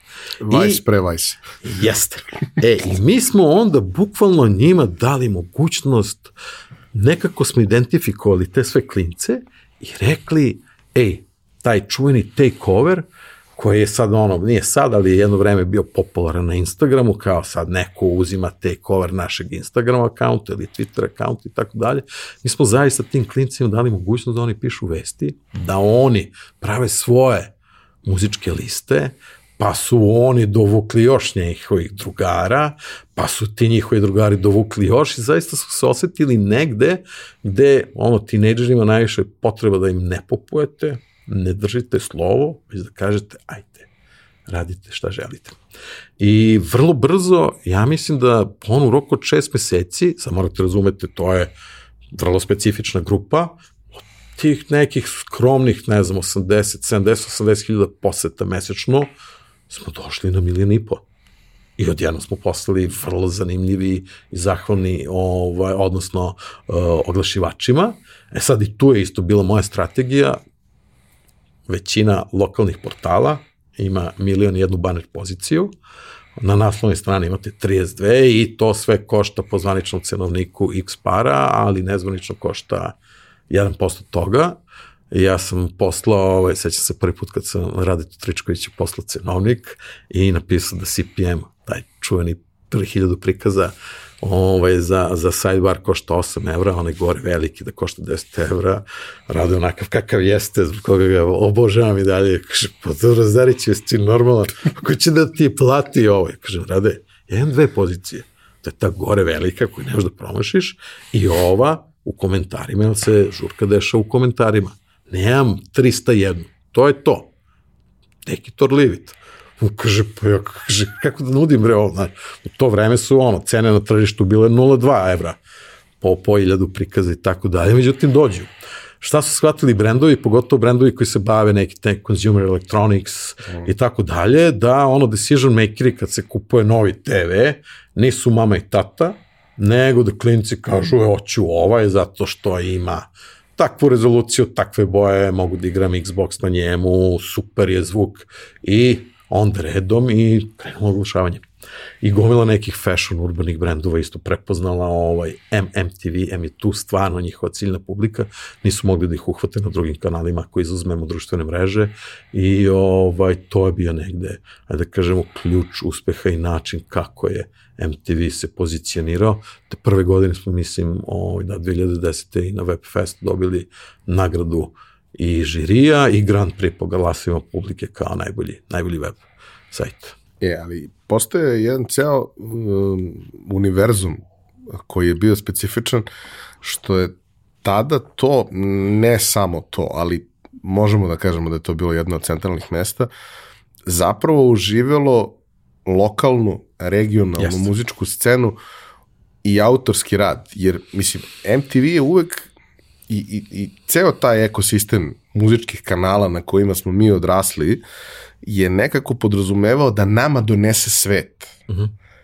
A to šta se ovde dešavalo po jednom periodu je prilično umrlo. Mislim, nije umrlo zato što si imao, ne znam, ZAM, pa Grand, pa sve ostalo, jer je to bilo najmasovnije. Ti meni kad pričaš o 90-im, ja, ja zamišljam šarenu palmu koja pleši i vrti čegrtaljku, jer to je ono ko meni u glavi jest, jest, jest. simbol 90-ih. I kad kažem šarenu palmu, ne mislim na, mislim na televiziju, ne mislim na palmu. Ovaj, ali taj moment gde kao ok, sada neka nova muzika i to je muzika koja danas postoji, slušamo i svi ovi bendovi i sve ostalo, je tada suštinski krenula da se budi, da se pokazuje, da se prikazuje, da se deli, da bude dostupna i da u mnogim slučajevima kao ono, glavno je bilo kad izađe nešto, ajde ili ima neko CD da ripujemo, da napravimo da. toga MP3 da možemo da delimo, kod vas smo dolazili da skinemo MP3 jer kao nosači zvuka više nisu bili biznis, biznis je bilo da što više ljudi čuje tu muziku, da. pa ćemo da vidimo šta ćemo sa tim. Da. Uh, jeste, znači, uh, pre svega zahvaljujući Nikoli, ovaj, negovanje te lokalne scene, regionalne scene, koja je bila drugačije, nije potpadala pod ovu palmu zam i sve ostale ovaj, konglomerate iz, iz iste radionice. Ovaj, e sad, uh, iz moje perspektive, meni su tu bila dva fejla. Prvi fail je bio to, imali smo, Nikole pričao o MTV premijeri, to su bili premijere lokalnih bendova, njihovih spotova i to je krenulo onako sramežljivo po jedan nedeljno, pa smo došli do dva nedeljno ponedeljkom jedan za drugim, pa smo onda uveli sredu i sve i to je bendovima jako značilo da dođu do publike, da ih čuju i sve. Šta je bio fail, odnosno restrikcija? U to vreme na MTV je bio potpuno zabrana upotrebe YouTube-a, za one koji ne znaju, kada je YouTube izašao i rekao mi se prodajemo, dve kompanije su bidovale, jedna je Viacom, vlasnik MTV, a druga je Google. I ovaj, Viacom je ponudio sramno nižu ponudu od Google-a i naravno YouTube je uh, prodat Google, odnosno Google je postao vlasnik i onda su ljudi u Viacomu rekli, e, mi negiramo postojanje YouTube-a, to nije platforma i ne sme ništa da se objavi na YouTube-u, tako da smo mi razvijeli svoju video platformu koja je super radila, super je to streamovala, čak i bio bolji kvalitet u to vreme ovo, što se tiče kompresije i zvuka i slike od YouTube-a, ali je nedostala mogućnost šera. Ovaj, što onda nismo shvatili kao neku ozbiljnu stvar, ali zaista jeste to bilo bitno klincima, ovaj, da mogu da podele sam video i da podele tačan onaj sekund kad je njihov refren ide ili šta je znam. Ovaj, a druga stvar, isto je Nikola o tome pričala, da smo krenuli sa tim free downloadom, prvi free download je bio album Sarsa, I sad, gledajući koliko smo imali registrovanih korisnika, poseta unique vizitora i šta je znam, mi smo imali neke projekcije koje su bilo onako poprilično velike, a i znajući koliko je prethodni album Sarsa bio prodat u koliko primjeraka, ja sad pričam iz moje perspektive, zašto mislim da je bio fail, ovaj, taj broj downloada je bio po meni skromnih 30-40 hiljada i mi smo onako bili zapanjeni i onda smo krenuli malo da kopamo i šta i kako i onda sam se susreo prvi put ono u praksi, znači čuo sam mnogo pre toga millennials, millennials, millennials i kao dobro važi. I onda shvatimo da ovaj, zaista smo radili ono intervjue, zvali sve te klince koji su kod nas non stop provode dan noć na sajtu ovaj, u 3 ujutru, u 5 popodne, non stop nešto komentarišu, aktivni su živahni, da njima taj koncept da posjeduju nešto, nije važan, nije bitan. Da pojasnim, ja sam prvo imao ploče, pa sam imao kasete, pa smo snimali kompilacije na kasete, pa su onda stigli bugarski diskovi, pa diskovi rezanci, pa sam onda imao hard diskovi da sam snimao muziku i nekako smo tako bili horderi, bar moja generacija, možda koja generacija iza. Znači da ja to imam, da ja kad hoću ja mogu da pustim tu pesmu. Već počeš polako sad pojavom YouTube-a, taj koncept ja imam nešto moje, klincima, odnosno nisu klinci, oni su sad ono workforce i to dominantan, ovaj, ne samo kod nas nego svuda u svetu. Znači taj koncept ja imam nešto, odnosno nešto posedujem na nekom nosaču, na mom kompjuteru, nije bitan. Oni su nam dali objašnjenja. E, kao, ja imam kod sebe na kompjuteru, tad laptopovi i ovi smartfonovi nisu bili ovakvi, ovaj, odemo na žurku ili blejemo kod drugara, ja opet moram da idem tamo da skinem, pa da pustim i sve. Znači njima je već ono YouTube im se toliko svideo zato što je online platforma koja gde god da si ti nemaš potrebu više da fizički posjeduješ, znači da downloaduješ kod sebe tu pesmu, već da je imaš kad god ti zatreba na nekoj od platformi. Onda kreću posle streaming servisi i Deezer i Spotify i neke druge mreže i ovaj, meni je tad, na primjer, to bilo onako lessons learned, da to što smo uradili i napravili, daleko od toga da su bili nikakvi rezultati. Ja iskreno sam, bar po onome kakav je bio engagement na drugim stvarima i znam potencijal cele platforme, odnosno koliko smo imali aktivnih korisnika na dnevnom nivou na, na MTV sajtovima, očekivao daleko više.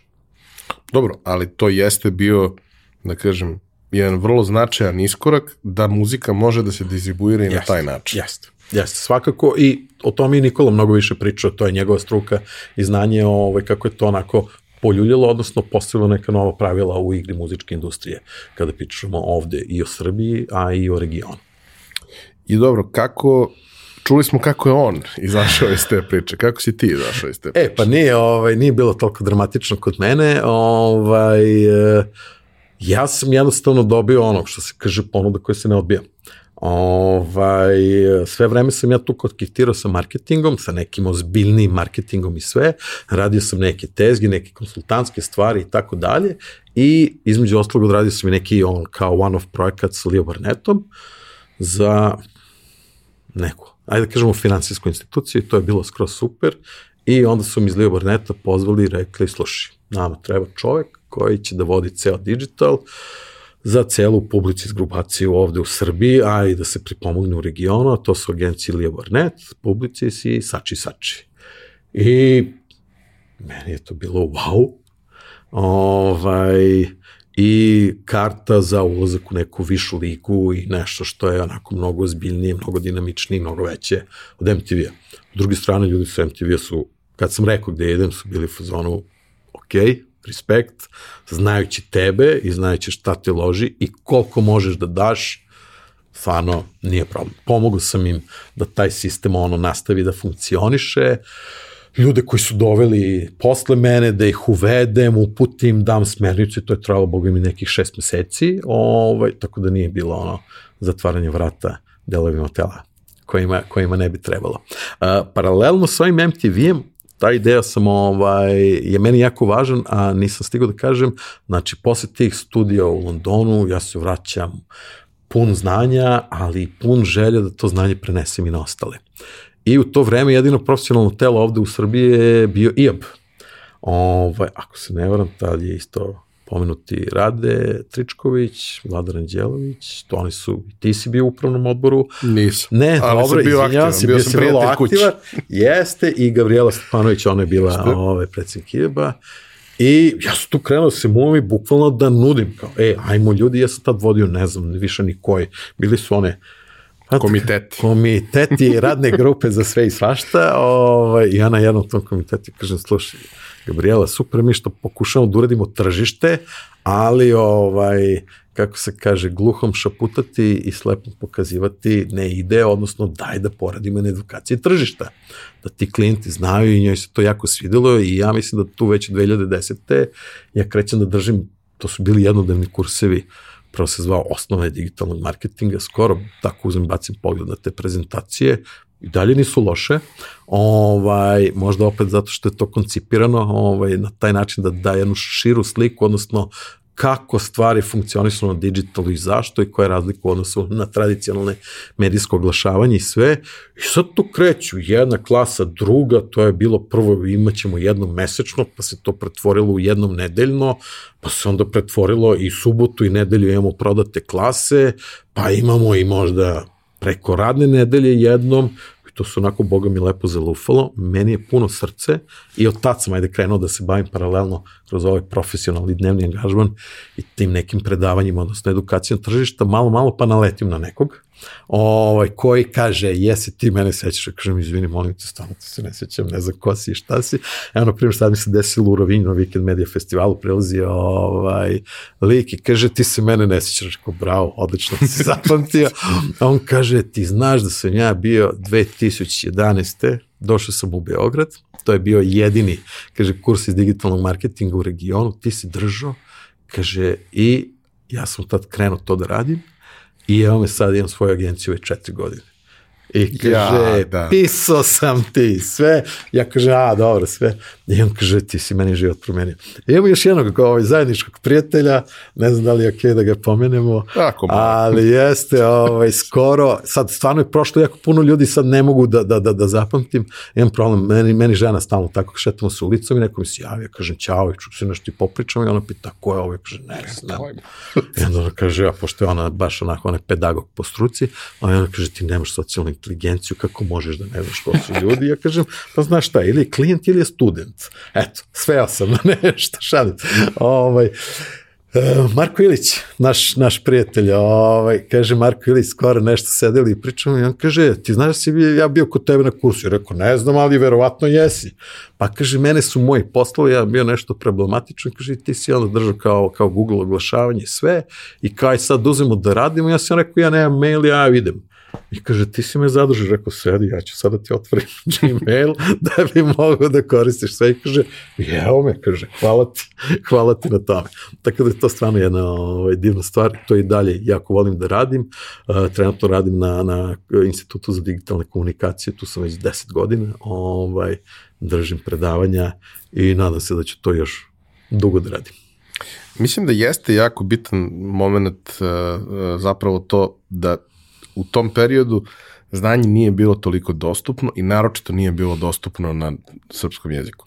Da. A, te stvari ni ne mogu da se uče na srpskom. Ja duboko verujem da, da je to tako. ali moraš na poznatom da se uputiš u te Jeste. stvari da bi mogao da Jeste. dođeš do toga da, da, da ideš korak dalje. Ako ne znaš engleski, jednostavno u bilo čemu što je tech, digital, IT, na duge staze vrlo teško da, da, da imaš neku prođu. Mislim, osim ako znaš kineski, onda, onda imaš druge opcije. Ali e, da bi se uputio nekako, da bi napravio taj segve između tradicionalnog i svega onoga što, sa čime si se susretao u, u, u klasičnom uh, oglašavanju, advertisingu, marketingu, da bi na to nakalemio na pravi način digital, mora da počne od onoga što ljudi razumeju. Mora da počne od as- asocijacija koje su im jasne. Mora da počne sa primjerima koje mogu da, da razumeju i koji su im na neki način nešto s čime mogu da se Bliski. identifikuju. Jeste, jeste. Meni je to dosta pomoglo, ovo, znači te postdiplomske ovaj, na koje sam bio u Londonu su koncipirane tako da kad smo došli dobili smo dve ogromne ovako fascikle, oni su rekli to je akademsko znanje, kaže to nosite kući pa ćete sami da čitate, platio sam overweight za to pošto je bilo 32 kila papira, ovaj, onda smo rekli sad ćemo da radimo. I onda su moduli bili organizovani tako da ili smo išli kod klijenata, klijenti su bili HSBC banka, Tesco, Volvo, ili smo išli u tada najveće kreativne digitalne agencije u Londonu, odnosno oni dolazili kod nas i radili na nekim projektima. Znači odmah je bilo hands on, zavrni rukave, sad idemo, ali ja ne znam, imaš u papirima, to nauči, a sad radimo stvarne, prave stvari, prave izazove, tako da meni, ja sam odmah imao taj neki insight, odnosno znao sam kako da ljudima približim te možda abstraktne pojmove i stvari, šta je to kako oni mogu direktno da vide neki benefit za svoj biznis, a opet vraćamo se stalno na to, odnosno nekako smo krenuli od početka, taj customer care i fokusiranost na samog korisnika je jako bitno i to je nešto što sam učio na tim postdiplomskim, kakav god proizvod bio, koliko god vi mislite da je to nešto što je ono novi izum veka i ostalo, ako tu nemate negovanje tog korisničkog odnosa, odnosno fokus na njegove potrebe i ono što on daje kao feedback i ostalo, svi ti proizvodi nekako ljosno i padnu, odnosno ne daju svoje rezultate. Mislim, postoji taj moment da oni jako veliki, jako, ono, established uh -huh. brendovi, vrlo često mogu sebi da priušte da ne vode toliko računa više o korisnicima, posebno ako nemaju neku direktnu konkurenciju. Ali oni koji pokušavaju da se probiju, ako ne vode računa o odnosu sa korisnicima, apsolutno nemaju nikakvu šansu da naprave bilo kakav iskorak. Jer danas ljudi su razmaženi više nego inače i očekuju da imaju tu vrstu nekog dobrog iskustva ili makar ako iskustvo nije sjajno, onda komunikacija mora da bude pravovremena, adekvatna, da bi ti mogao da kažeš, e, ok, nema problema, ne znam, ja baš pre neki dan, ono, e-commerce, imam više loših nego dobrih iskustava u, u e-commerce kada je ovaj region u pitanju, kada je Amerika, Nemačka i tako dalje, Amazon i sve što ustoji ide, odnos je dosta drugačiji. To ne znači da sam ja svaki put dobio sve ono što mi treba na vreme kada mi treba. Zapravo, u sigurno 20% slučajeva nešto zakasni ili ne bude uh -huh. kako valja. Ali ja dobijem informaciju odmah da, da će kasniti. Ja dobijem informaciju da će doći ranije, što se isto dešava nekad, jer kao oni su čudni. Ovaj, dobijem sve te informacije. Dobijem informaciju da nečega nema. Kao, u principu se ne dešava, ali može da se desi i oni ne čekaju da prođe sve to i da ja dođem do toga da mi sutra treba, nije stiglo, ja zovem i pitam i onda mi kažu, a pa ne, to nikad nije ni, ni posto. Ne, dobijem odmah informaciju da ga nema, pa loše je, ali je manje loše nego za sedam dana da dobijem da. tu informaciju. I to su prosto stvari na koje jednostavno mora da se baci fokus i da, u koje mora da se uloži mnogo više i novca, resursa i svega kao ne znam, ja, ja nisam čovek koji će pozvati call center osim ako baš ne mora. A ako dođem do toga da moram da, i ne mogu da ga dobijem 45 minuta, pa bolje da ga nemam.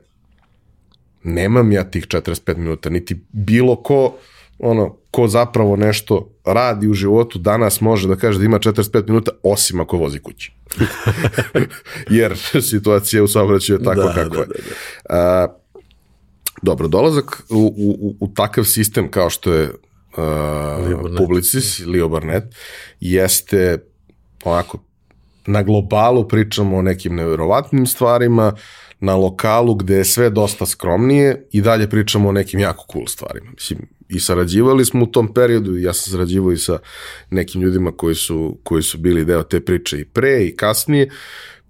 I generalno rad sa ozbiljnim agencijama funkcioniše na potpuno drugačiji način od rada sa agencijama koje su digitalne agencije, koje su samo nastale u tom nekom bablu digitala, neke od njih su sjajne, da se da. razumemo, to, to nije sporno, ali kao tradicionalna advertising industrija sa sobom nosi gomilu neke strukture koja je više nego dobro došla. Jeste.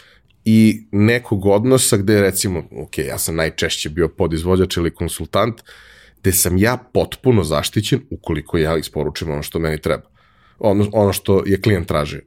Znači ja sam potpuno zaštićen, ne postoji nikakav problem, ne postoji ništa. E, fakt, dogovoreno kad će leći faktura, faktura će leći taj dan. Ako klijent nije platio, platit će agencija, pa će agencija juriti kako će da naplati.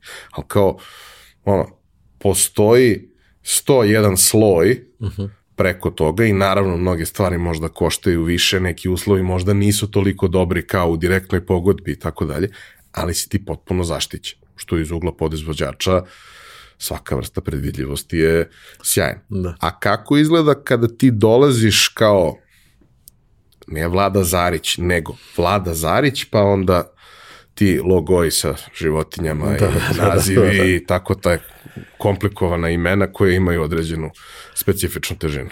A, pa pre svega, ovaj, tamo sam predstavljen kao superstar, Znači, Anđelko je sazvao ceo, celu firmu, znači 140 ljudi je ovako, jeste, stoji i gleda i kaže ko je bre sad ovo, ja isto predstavljeno, nisam znao da će to da se desi I ovaj, na tom projektu na kojem smo pre toga sarađivali, ja sam bio onako, ovaj, imao sam neke, neke pošalice i nešto što je prodalo priču ovaj, klijentu. I on kaže, aj sad ispričajem na vic. Kaže, da, da ispričajem vic, prvo nije ni, ni, ni vreme, ni mesta. Ali šalim se, ok. Ovaj, predstavljam sam kao neko ko je, ko je tu pre svega da prenese znanje, ovaj, ko ume da sagleda, vraćamo se na ovom širu sliku i da odabere pravi kanal, način komunikacije, jer u to vreme, da kažemo, sve kreativne agencije su svoj fokus stavljale na društvene mreže i na čuvene virale. Tad je bilo vreme, to pričamo od 2015. 16. 17. 17. pa čak i 19. Znači kada su se kanski lavovi za kreativnost u digitalu delili za viralne kampanje to je ono, imate crveno dugme na trgu, dođe čovjek stisne i onda se desi haos i takve neke stvari. Ovaj, a pored toga ono što je potrebno svim tim klijentima koji su zaista raznorodni i meni je tu znači dve najvažnije stvari koje sam koje sam ovaj imao mogućnosti da iskusim da onako na sebe ovaj mi, su mi dosta profesionalno pomogle. Pre svega to je taj veliki uređeni sistem kome se znaju procesi i procedure u radu sa A listom svetskih klijenata. Znači, od Nesla, Mondeleza, Samsunga, Philip Morrisa, gomile najvećih domaćih finansijskih institucija, sad sam verovatno propustio ono gomilu, gomilu stvari iz FMCG industrije, nema s kim nismo radili, od Imleka, Don kafe, Jelen piva, sad da, ako nastavim da nabrajam, zaboravit ću sigurno NIS i tako dalje. Ovo, I to je zaista, onda su potpuno drugačiji budžeti i načini odlučivanja kada radite sa tako velikim klijentima, a s druge strane imao sam zaista priliku da u svakodnevno radim sa, bez sumnje mogu da kažem, najkreativnim ljudima sa ovog podnevlja. Od copywritera, kreativnih art direktora do kreativnih strategija i planera. Moj zadatak i moja uloga tu je bilo da podignem taj digital capacity, odnosno da dam znanja i usmerenja što kroz ono direktan rad sa account timovima i sa ovim kreativnim timovima, na novim pičevima, novim kampanjama i tako dalje, što kroz neka ono, što formalna, što neformalna edukacija i obrazovanja u samoj firmi. Tako da kada sam došao u, u Leo Barnett, oni su imali pola digitalnog klijenta, ovo ovaj, to je bilo jedan pivo, Uh, Leo Barnett je radio kreativu, a ovaj deo community managementa je radio agencija homepage. Ovaj, do toga da posle pet godina ili koliko sam malo više proveo tamo, kad sam izašao taj client count je bio ja mislim 24 ili tako nešto. Uh, umeđu vremenu od tog bazičnog pristupa da se radi samo društvene mreže kao jedan dodatni kanal komunikacije ovaj, kreiranje sadržaja za to, ovaj, imao sam prilike da radim zaista neke jako dobre, važne i drugačije stvari, možda nekih par projekata koje bi izdvojio, na koje sam zaista poseban, ponosan. Prvi je vezan za baš, aj kažemo, kreativni pristup. E sad, pošto sam potpisivao najrazličitije NDA-eve, negde sam ostavljao prvo dete, negde levi bubreg, ovaj, izostavit ću nazive klijenata, ovaj, možda će neko da prepozna, jedan je veliki ovaj, FMCG brand koji je došao prvi sa zahtevom, kaže hoćemo samo digital first kampanju, možete da imate ovaj, 30% budžeta da ide na tradicionalne medije, sve ostalo i sa, sve mora da se desi. Oni su nas izabrali kao test tržište, bio je u pitanju neki nova kategorija proizvoda gde su oni lideri na tržištu, ali kao ajde da probaju i super tim ovaj, sa kojim sam radio, došli smo do toga da tradicionalne medije iskoristimo i privučemo ljude, gurnemo na digital, to vreme su tek počeli da budu influenceri, pošto je taj proizvod imao dva ukusa, mi smo ovaj, našli muškog i ženskog influencera, jedan predstavlja jedan, drugi drugi ukus, možda sad neko ko je pratio scenu može i da se seti kampanje i svega šta je. U svakom slučaju, ovaj, kampanja Pokida, Pokida ne samo zašto je izgledala lepo šareno i što je dobila mnogi nagrade. Sve kampanje izgledaju lepo šareno Jeste, danas. ovaj, nego zato što su prodajni rezultati bili sjajni, znači od toga da testiraju da imaju samo mali neki ovaj, lager toga, sve se prodalo. Uh, pokida po tome što je cela kategorija tih proizvoda koja do tad nije postojala, odjedno se podigla za 2% poena, što je jako puno, a meni možda najvažnije i najbolje priznanje je došlo od toga, pošto pričamo znači, o velikom, ogromnom globalnom klijentu, koji je tu kampanju stavio u Global Pull Book kao case study i ta kampanja je onda doživjela svoj revival u nekim sličnim oblicima na još 30 globalnih tržišta, global, uh, tržišta na svetu. Znači, to je onako baš bilo respekt. Evo kako možemo ovde da pokrenemo i pokažemo kako i na koji način koristiti digital.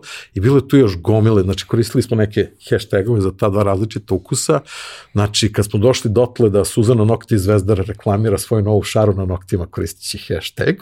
Ili da se ono splavovi ovaj, na Novom Beogradu reklamiraju dođite na ovo večer će biti pa sad taj hashtag takva muzika, to je bila potpuna pobeda. Znači, kada smo uspeli da uđemo ono u žargoni način komunikacije ovaj, sa publikom. Mislim da je to jako dobar primer, bez obzira na to što je neimenovan. Uh, ali mislim da je da ključno kažem, zapravo... Nestle je u pitanju i njihov brand, on kao 3 u 1 kafe, pokušavali su s nekim novim, sad glupo sve vreme pričamo kao šta i kako je. Uh, taj moment gde uh, ti suštinski, za razliku od većine agencija koje dođu i moraju da ispolivaju, mi to kažemo tako, ali suštinski da prekriju informacijom digitalni prostor koja već ide kroz sve ostalo i to mora da izgleda lepo, ali neće izgledati loše jer ćeš dobiti već urađen key visual koji će samo prelije dalje u sve što treba. Ti ovde zapravo dolaziš u poziciju da dubinski menjaš neke stvari kod klijenta, što ne znači da to uvek uspe, i, ali iz starta je tvoja pozicija sa mnogo većim nivom poverenja i razumevanja nego što je pozicija nekog ko je, vi ste mi agencija koja radi social. Ajde, to Facebook, Instagram, vidite vi to nešto da, da. tamo da bude da ima. I mislim zato nekako moj utisak je zato su virali najviše prolazili u tom periodu, zato što ti viral donosi neki rezultat koji nisi platio. Jeste. Da. A ja se slažem da su mnoge dobre stvari u životu besplatne, ali jebi ga nisu sve. I neke stvari moraju da se plate da bi ti mogao da računaš na to da ćeš dobiti nekakav ozbiljan rezultat iza toga. Znaš kao, ljudi su spremni da dobiju besplatno nešto, posebno ako je neki experience, jeste lepa da. stvar, ali kao, ono, besplatan auto zvuči kao simpatična ideja, ali ako je besplatan i ne možeš da se osloniš na njega, a u njemu voziš porodicu, niko neće besplatan auto. Auto nešto košta jer to neki pravi inženjeri tamo, da, da. tamo prave. Šta ste radili od tih pravih inženjerskih stvari? Pravi inženjerske stvari, uh, sad ovog klijenta stvarno ne mogu da imenom, pošto su vrlo specifični, uh, sve vreme se priča taj data economy, kao mi imamo big data i sve i svašta i to sad može da nam pomogne da taj marketiški deo, odnosno advertising priče radimo i sad ako pričamo o tim performance kampanjama, to smo radili za gomilu klijenata, ovaj projekat mi je bio jako zanimljiv zato što smo imali klijenta opet globalnog, velikog, prisutnog u, ne znam, Ovaj, ja sam vodio sedam ili osam ovih regionalnih zemalja i oni su prešli na SAP, odnosno, pardon, na Salesforce kao veliku platformu I do tad je njihov kanal komunikacije su bili oni merchandiseri, znači ljudi koji obilaze prodavnice i tu pričaju s prodavcima i njima pojašnjavaju benefite proizvoda, kako da prezentuju, kako da pokušaju da prodaju i tako dalje. To je onako vrlo rudimentalno bilo. Nije bilo rudimentalno, ali su imali ovaj, iPade na kojima su išle neke prezentacije, pa kao iglice i to smo za njih radili sve. I sad prelaskom na ovaj novi sistem, ovaj, oni kažu to je super, zato što mi imamo data warehouse koji prikuplja sve informacije i od toga koliko je prodaje, tačno znamo po koji brand se prodaje gde, koji proizvod, ko je radi u toj smeni, sve to. Mi kažemo, ok, pa dobro, ajde da probamo da napravimo sada, da obrnemo igricu, ako već hoćemo da imamo taj data driven economy i način kako se funkcioniše, rekao, ajde da napravimo potpuno drugu platformu da vama merchandiseri ne trebaju, kako ne trebaju, kako ćemo, šta ćemo.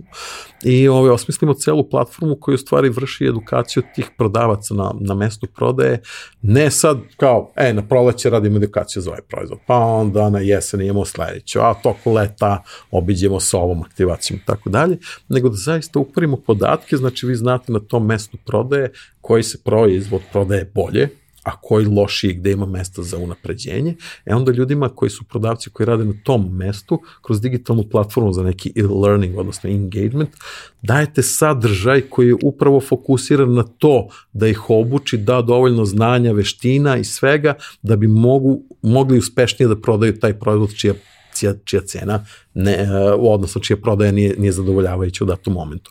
Šta to znači? Vi opet kroz taj ceo veliki sistem, taj data warehouse, vi možete da pratite da li su ljudi Znači, to su bile neke posebne platforme samo za, za, za, za, za korisnike, za, odnosno za prodavce.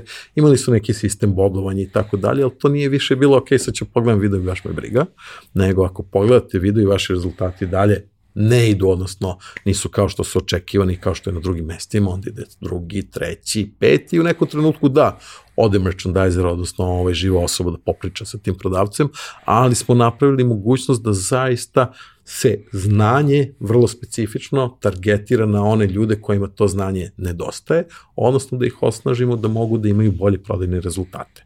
Znači nije bila ovaj priča jedno isto za sve, pa sad u petom razredu iz geografije učimo osnove reljefa, pa ćemo sad svi, jer imamo oni koji znaju mnogo više od toga.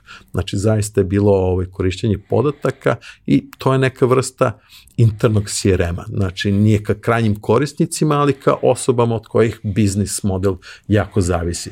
Znači na osnovu njihovih prodajnih rezultata, aktivnosti, šta rade na platformi, šta su pogledali, koji su testove uradili i na kraju vidimo kako se to odražava na samu prodaju. Meni to bilo fenomenalno iskustvo, ovaj, jedan onako prvo na, na Salesforce-u nisam radio pre toga, kad su pitali da li znate, ja sam rekao, naravno, to su još jedna vrata koje ćemo da otvorimo i koje ćemo uspešno da rešimo i bilo je tako, ovaj, jednog malog tekst, test tržišta evropskog, gde smo to pokušali, gde su videli i dobili sjajne rezultate, onda smo se onako raširili po regionu i na neka tržišta gde ranije Leopardnet lokalni iz Beograda nije imao pristupa zato što pripadaju mnogo ozbiljnim marketima sa mnogo većim milionskim desetine miliona stanovnika i tako dalje.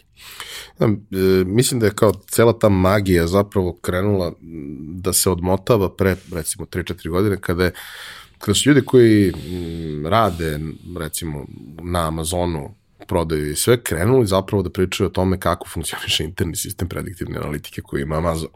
Odnosno, kako je moguće da ti neko nešto dostavi za dan, a ti si naručio, zato što on već zna da ćeš ti to da kupiš.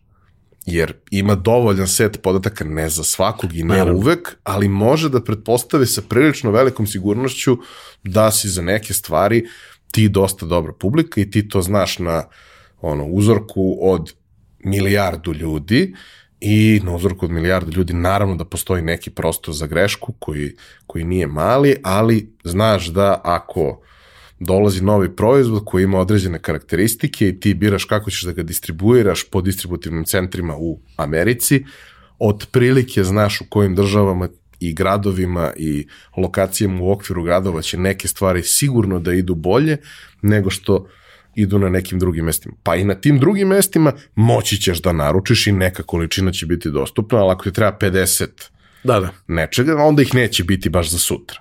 Biće 2-3. Ali na mestima na kojima znaš da ćeš prodati 500, imaćeš 1000 za svaki slučaj. I prosto taj način kao, ono, žila kucavica američke ekonomije sadrži u sebi kamione koji idu, ovaj, je potpuno magično, jer kao nekakav softver, metodama koje su ono deo machine learninga, pravi model koji se u realnosti ostvaruje, a sve ono što je greška je samo argument za dodatno učenje tog modela. I kao, koliko god to čudno zvučalo, a mi smo odrasli na tim filmovima naučne fantastike, napravio si robota koji se sam popravlja. I to je neverovatno. I uvek postoji neko malo čudo koje može čovek da doda u tu celu priču, ali sećam se i kad je, kad je Varga bio drugi put, i mislim da je čak i prvi put to rekao, a od toga ima tri godine, kad je rekao, da, ja imam toliko iskustva, imam super ideje i to sve. Svaki put me pobedi robot. Svaki put kad ja optimizujem kampanju i kad pustim njega da optimizuje, on je optimizuje bolje. Ali dobro, znaš, pokušavamo malo bolje da razumemo šta se dešava u idealnom svetu, na najrazvijenijim tržištima, na mestima gde to zaista ovaj, drugačije ne bi moglo ni da funkcioniše, ni da raste, te stvari već postoje, a mi možemo lagano fragmente toga da implementiramo i da vidimo šta će zapravo da se desi. Pa kao, znaš kako se kreću u određene kategorije artikala stvari, pa onda znaš da ih nabaviš na vreme, jer će u nekom trenutku verovatno biti nestašice i veća cena i sve ostalo, a ti ćeš imati u tom trenutku ono što ti treba. da Lager. Tako je. Da. Mislim, to jeste ono, magija, kao kad, kad pričaju ljudi, to je, mislim da je Rečko to rekao u drugoj epizodi, koja je bila loša, jer sam ja tek bio na početku i sve to, ali da je Rečko tad rekao jako važnu stvar koju ljudi ne kapiraju, kao Google Analytics je napravljen za e-commerce.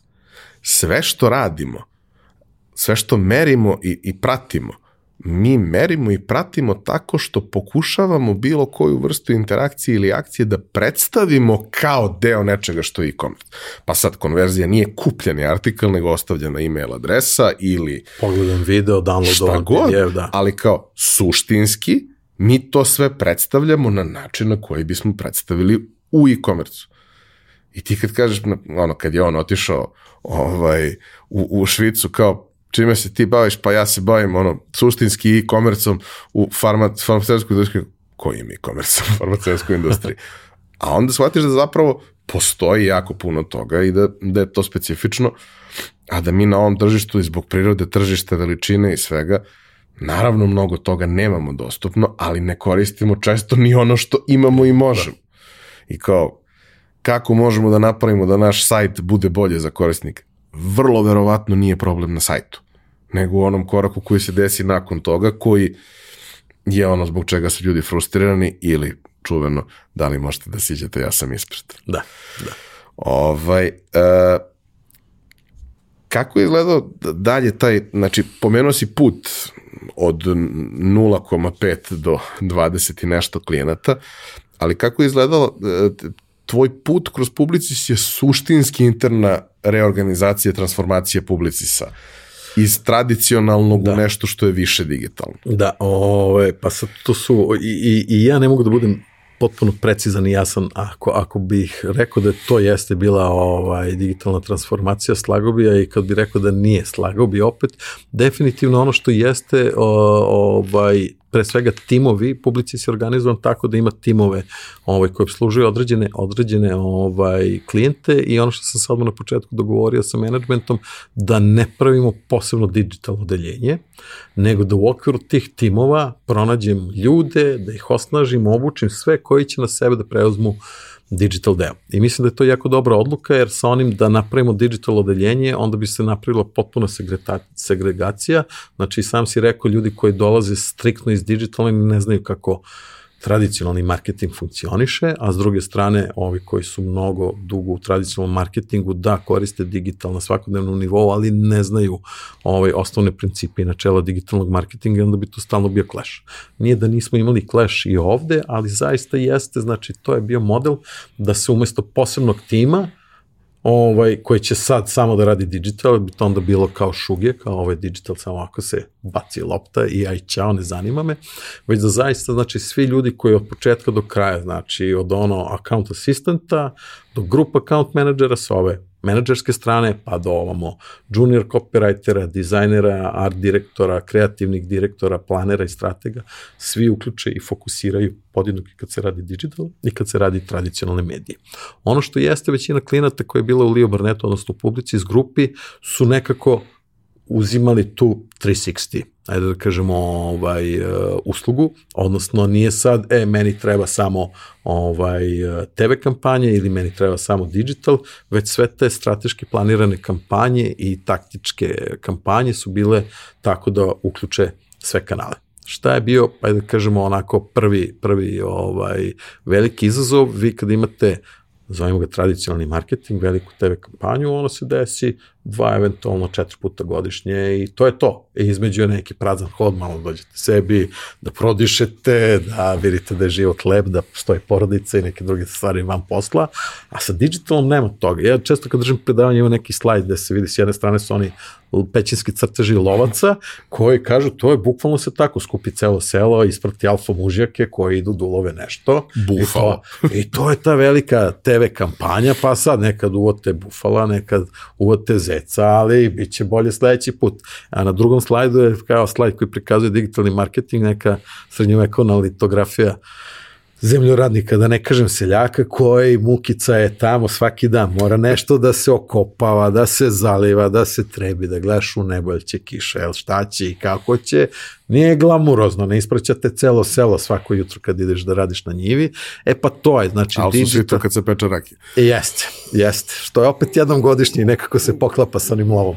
Ovaj, I, i ovaj, to je u stvari, ajde da kažemo, neka dinamika rada na klijentima. Dinamika rada koja znači, ok, nije sad imamo veliku udarnu TV tradicionalnu kampanju koja se onda prelije i na outdoor, pa kao imamo i derivate na digital, ne, mora svaki dan, mora da postoji sadržaj koji će popuniti i održavati komunikaciju i kontakt sa klijentima svih tih dana dok ne dođe sledeća kampanja i neka nova komunikacija ili komunikacijska platforma. To je bilo možda najteže ovaj, i najizazovnije, znači da se taj neki ritam grupe, odnosno ritam ljudi koji rade u jednom timu promeni i bude malo drugačiji, jer vi tamo mislite, ja sad sam završio, budu baš intenzivne, recimo dve do tri nedelje pred lansiranje tih velikih kampanja i onda najzad kad tog petka u 8 sati u prime time-u ovaj, bude emitovano, vi ste u fazonu, ok, sad je super, sad odmor nije odmor, jer u ponedljak je tu vlada da ih kaže, e, ajmo idemo sad content kalendar i da osmislimo aktivacije koje će da se poređaju na ovo, ovo i ovo. Ne, imaš situaciju da sa jedne strane platforme to traže od tebe, jer da bi ostao iole vidljiv. organski vidljiv, moraš da budeš redovno aktivan, svi te penalizuju ukoliko nisi, A sa druge strane, korisnici to očekuju, jer su naviknuti na nešto yes. tako. Naviknuti su da brendovi sa njima non stop komuniciraju i naviknuti su čak i na to da kao sad već imaš predvidljive cikluse kada će se dešavati neke stvari ako se ne dese neka akcija ili neko predstavljanje nečeg novog, to je problem. Znaš, kao došli smo do toga da ajde, ni u svim industrijama tako, naravno, ne znam, ono, i dalje u foto video industriji jednom u dve godine se predstavi izađe da. ono, na sajmu Nikon, Canon, Sony i predstav, predstave šta ima. Ali Apple ako ne predstavi dva put godišnje da. i svi ostali ako ne predstave dva put godišnje, odnosno imaju dva različita ciklusa, pa jednom godišnje sve ovo što nosimo na rukama, džepovima i sve da. ostalo, ako ne predstave, to je katastrofa. Da. A vrlo često zbog cele situacije koja se dešava prezasićenosti tržišta različitim brendovima i od starta toga da previše daješ korist, ti nemaš šta da predstaviš. Kao, Znaš, svi, svi mi kao, znaš, gledamo se čudno i kao, brate, 12, 13, 14, iPhone su isti. Mislim, nisu baš, ali prate isti su. Znači, Da, da. isti su i pre je to bilo da 5 i 5S izgledaju isto, ali sad znaš, kao generacije koje nose različite brojeve, u suštini nema neke značajne, da, možeš da primetiš minimalnu, ali tako nešto pre 10 godina ne bi nosilo tačno. svoju odna, oznaku. Sada prosto mora da se desi. I opet, iako ti racio kaže nema tu nikakve razlike, imaš jedan ne mali broj ljudi koji će otići i uzeti novu. I oni ne rade to zato što su budale, nego zato što im opet neki podaci kažu da to tako treba i to tako mora. Da. I da, možda može da se pojavi igrač, odnosno možda može neko od velikih igrača da kaže I'm not playing this game anymore. Recimo Apple, neće, ali možda je u poziciji da može i da kaže, "Mm, e, brate, ne, ne radimo to više. Ali lakše je da pratiš ono kako utabano, kako svi ostali rade i da prosto ono, živiš u tim ciklusima koji su, jer sa jedne strane imaš korisnike, sve sa druge strane imaš neke akcionare i sve to koji očekuju da njihove akcije rastu ili da dividende budu isplaćene i sve ostalo i ti jednostavno moraš da pratiš sve te stvari i to je onaj moment gde ja zapravo najviše volim da imam ovakve razgovore sa ljudima kao što si ti kojih zapravo nema mnogo, ima vrlo malo, što oni razumeju biznis deo cele priče. Marketing je mnogo često nešto o čemu pričamo kao nice to have stvari. I, jest, I kad je nice to have, možeš da se igraš zato što e, šta god da uradiš, bit će dobro. Nešto mora da se desi, pa ajde napravi nešto što je zanimljivo i to sve. Ali onog trenutka kada ga povežeš sa biznis ciljevima, onda stvarno nastaje magija jer tada menjaš svet. Za početak svoj i svojih konzumera, svojih korisnika, a u perspektivi ako zaista napraviš neki rezultat i to sve, menjaš svet na makronivou, a ne na mikronivou, a to je jedino moguće uz to razumevanje kako uh, um, kako beše uh, pomeraj krilima leptira na, jednom, na jednoj strani sveta napravi da se desi uragan na drugoj. Da. Uh, kako si izašao iz Publicis? Pa na vrata, šali se. ovaj, e, malo sam se uh, zasitio i premorio, jer je baš tempo bio onako ubitačan, a s druge strane te neki ciljevi koji sam sebi postavio, ovaj, nisam uspio do kraja da ih, da ih ovaj, ostvarim i, i, i napravim u smislu promene nekog načina poslovanja i tretiranja digitala u odnosu na, da kažemo, ceo taj neki pool svega što se dešava u, u, u Leo Barnetu i jednostavno nisam mogao da vidim svoj dalji ovaj opstanak tamo i onda sam se dogovorio da ovaj iz toga izađem i onda sam se malo predelio ovaj za jednu sigurnu luku.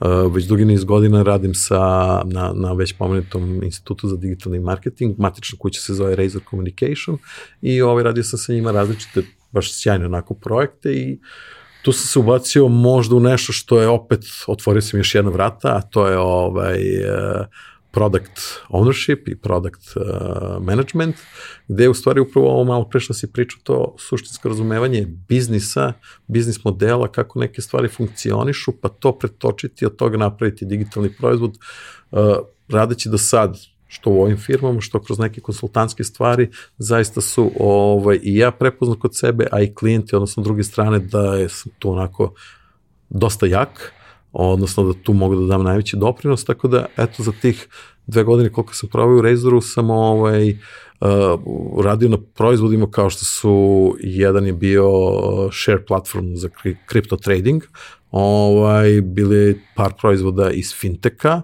bio je jedan proizvod koji nisam dočekao da vidim kako, da, kako će nastaviti razvijenje, ali nešto što u potpunosti menja ono mortgage marketplace u, u, i to u Londonu, odatle je startup, uglavnom su ovaj, bili startup ili velike korporacije koje imaju neke ideje, a treba im tim agilnih eksperata gde stvarno imao sam priliku da radim sa najboljim ono developerima, pa sad nabrojimo ono platforme ili stvari.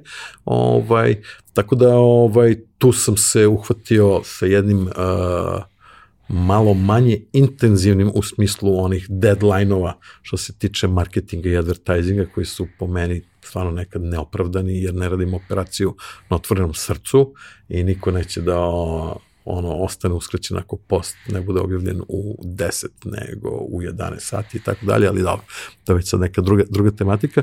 Znači, ovde sam zaista imao prilike da se mnogo više fokusiram na taj, na razvoj biznis ideja u tehnološke, odnosno digitalne proizvode.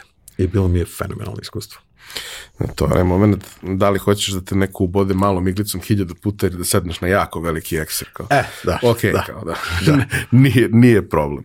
A, na neki način uh, razumem o, o čemu pričaš vezano za, za Leo Barnett i svi tradicionalni biznisi koji god da su i dalje se odupiru tome da nova realnost, ne u kontekstu covid ali i u pa da. kontekstu covid da je nova realnost malo drugačija nego što je bila neka prethodna i jebi ga, kroz uh, par miliona godina istorije ove planete, obično igrači koji se ne prilagode, koliko god bili veliki, evo dinosaurus, ja sam veliki ljubitelj, da.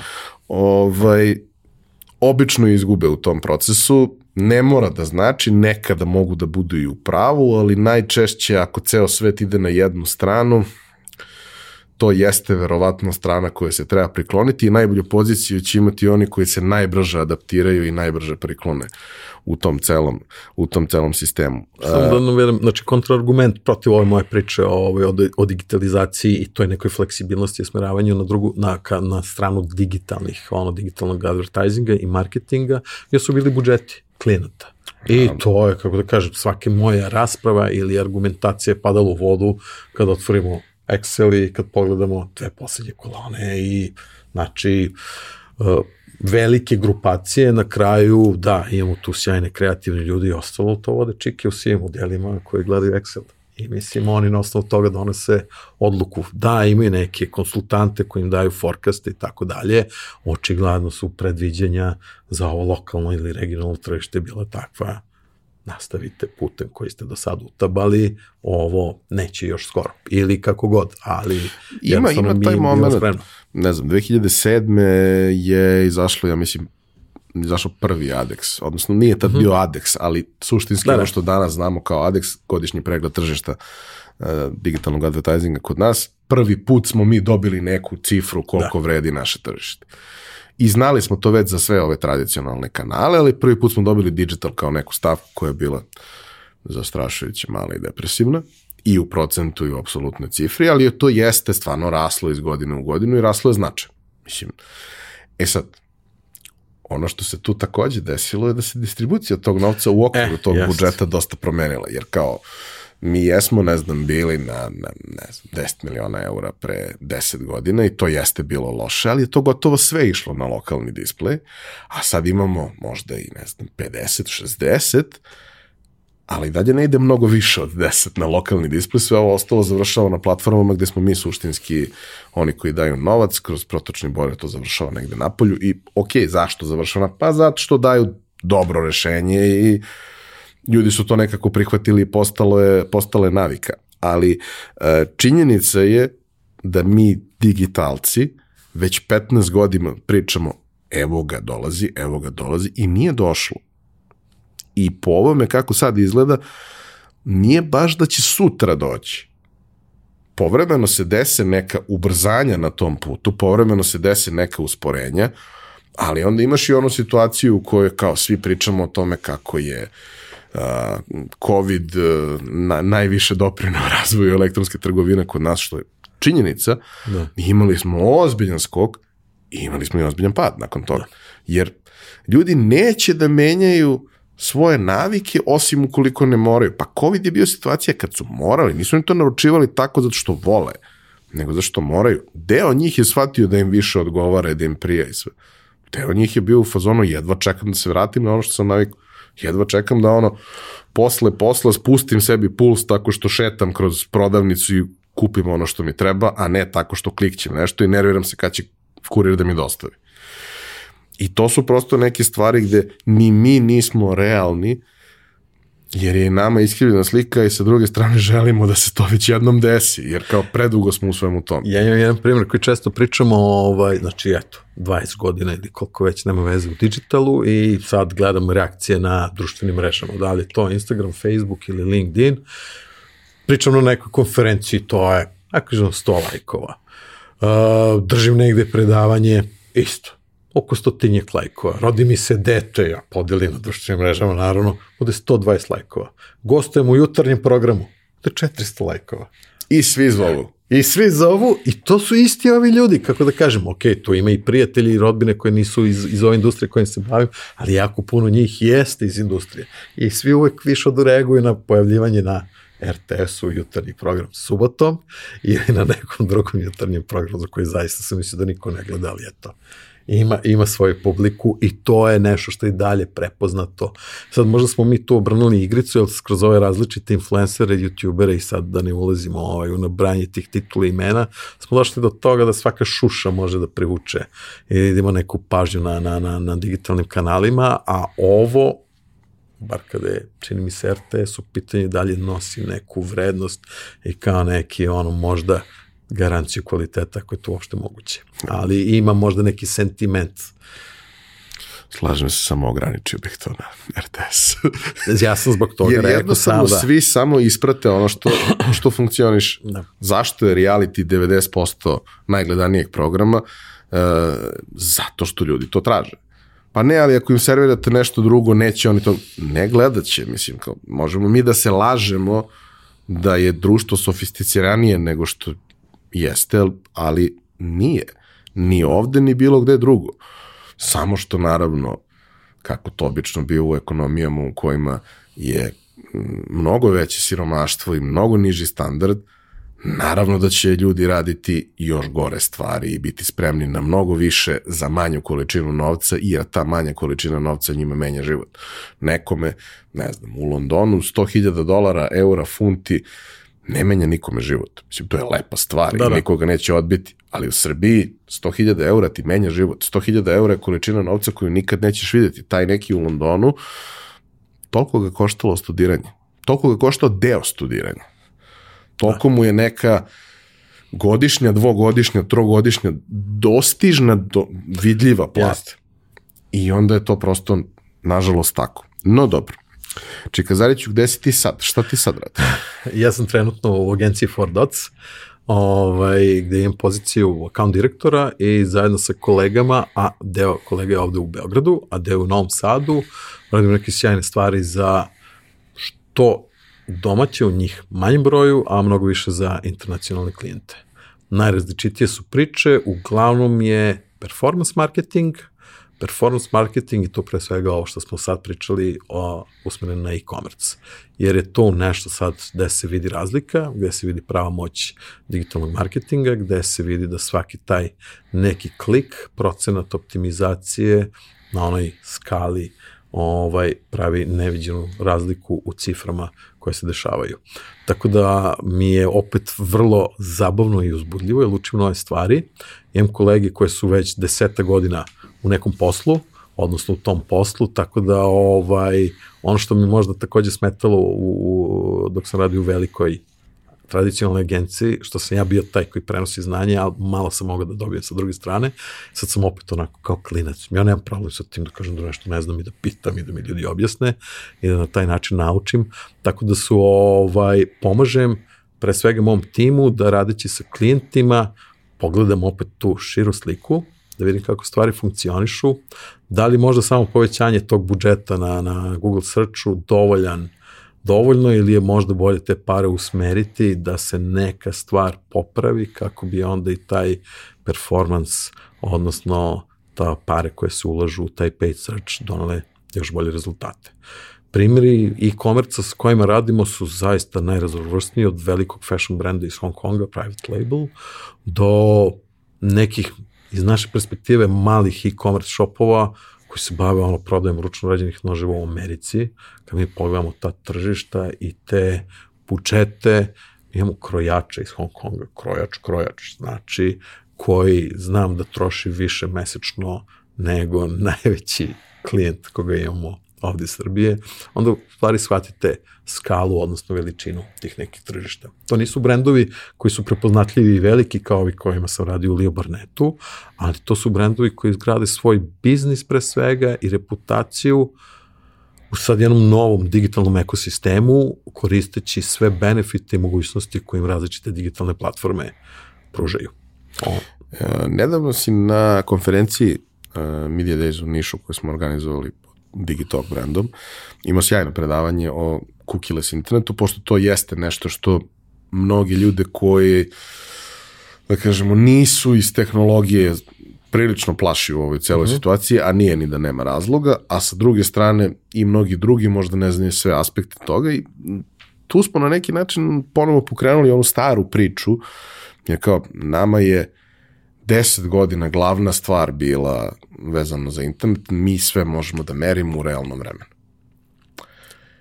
I stvarno smo mogli da verimo mnogo više nego što su mogli da mere ljudi koji imaju billboarde i slične stvari. Onda smo zapravo shvatili, i to je ono, prebacili smo onaj Mount Idiot ovaj, na, na grafikonu i shvatili da mm, ne možemo mi baš da merimo ne sve, nego boga mi skoro ništa što mi merimo nije to baš to što bi trebalo, odnosno može da bude, ali se ne prenosi linearno. Jeste. U, u ovaj svijet. I pros, prethodnom periodu u suštini najveće pitanje kojim smo se svi negde bavili i tražili rešenja i postoje i da kažemo gotova rešenja, ali postoje i neka druga, neke druge opcije, jeste zapravo to da ti shvatiš šta se zapravo desilo i šta se desilo kojim redom i ako ćemo to da pojednostavimo Jeste. na jednu reč, to je atribucija. Jeste. Jer super ti klikovi, sve to super. Ja kad pričam s nekim i on mi kaže, znaš, mene klik košta, ne znam, 5 dinara, a dobro, koliko da. te košta prodaja? Pa da, nije sad važno, ali, brate, to je jedino što je Jest. bitno. Ni broj klikova, ni broj pregleda, ni bilo šta nisu važni ukoliko ti ne završiš to zašto dovodiš tog korisnika. Ako ne znaš šta se desilo, ako ne znaš na kom koraku je odustao, pa onda kad znaš na kom koraku je odustao, možeš da pretpostaviš zašto je odustao. To nije tačno, nužno, uvek. Ali vrlo verovatno, ako je dodao proizvode u korpu, došao u korpu da, i odustao, pa vrlo verovatno je odustao da što je vidio neki trošak koji nije planirano da. tu da vidi. Pa onda kad znaš da zbog toga odustao, onda mu kažeš, e, izvini, bili smo nevaljali, evo ti promo kod za free shipping, seti nas i tako dalje. Volio bih da mi daš malo više, ja sam sad ovde svašta, ali je to vrlo nestrukturirano i tako dalje. Kako to zapravo izgleda kad sedneš i radiš sa klijentom? Ok, vi ste agencija koja vodi kampanje i kampanje e, procenat ide nekakav za taj posao vođenja, trudiš se da utegneš da klijentu to sve bude bolje i možeš da optimizuješ do neke granice i opet ti optimizuješ tu kampanju, ne optimizuješ rezultat prodaje ako pričamo kakva je postavka po defaultu. Zašto se vi trudite da to bude drugačije i kako to drugačije zapravo izgleda? Lepo si rekao, ovaj, ova paradigma kao na, na internetu je sve merljivo. Ja obično kažem klijentima, to je najveći laž digitalnog marketinga, nije sve merljivo možemo da izmerimo neke stvari, a onda da dođemo do zaključaka na neke obilazne načine. Uh, kada pričamo o tom kao uh, celom ekosistemu e-komerca i, i tog performance marketinga, znači imamo jednu granu, a to je dovući korisnike na sajt i sad ta konverzija se dešava na sajtu, koja može, ti si dao samo jedan od primjera, da krene po zlu. Ovaj, uh, ta konverzija se ne desi recimo iz dva razloga prvi razlog ovo si pogrešne ljude. Znači, nekom treba frižidera, ti si ga dove na sajt olovaka i to je Ćao. Ovo, ovaj, a druga stvar koja je mnogo češća, iz nekog tog znači, procesa se vidi da tu postoji neko usko grlo, odnosno friction point, što bi rekli englezi, i da odjednom imamo neki veliki drop off. Šta je nama cilj i zašto se trudimo? Znači, pre svega svoje klijente posmatramo zaista kao partnere sa kojima želimo da njihov posao uspe. Jednostavnu stvar, Znači, njima bolje ide posao, bit će veći budžeti, naš procenat veći i to je neka lepa srećna mašina i svi smo zadovoljni. Ono što takođe želimo da ovaj, klijentima onako skrenemo pažnju jeste da ne guramo samo jedan kanal.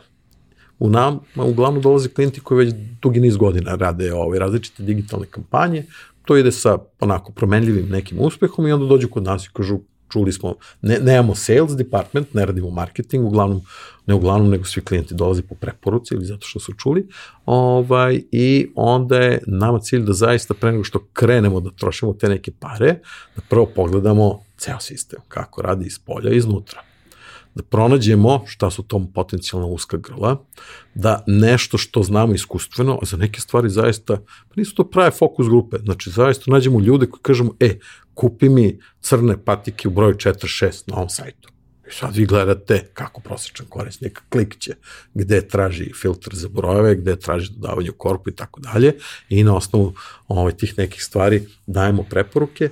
Ideja jeste da uz dobru metriku metriku, odnosno data analytics, to je uslov da radimo sa bilo kojim klijentom, da imaju ne samo instaliran Google Analytics na sajtu, nego da je dobro podešen i da prikuplja prave podatke, e, to nam je onda prvi preduslov da bismo krenuli. Ovo čuvano pitanje šta radi, šta ne radi.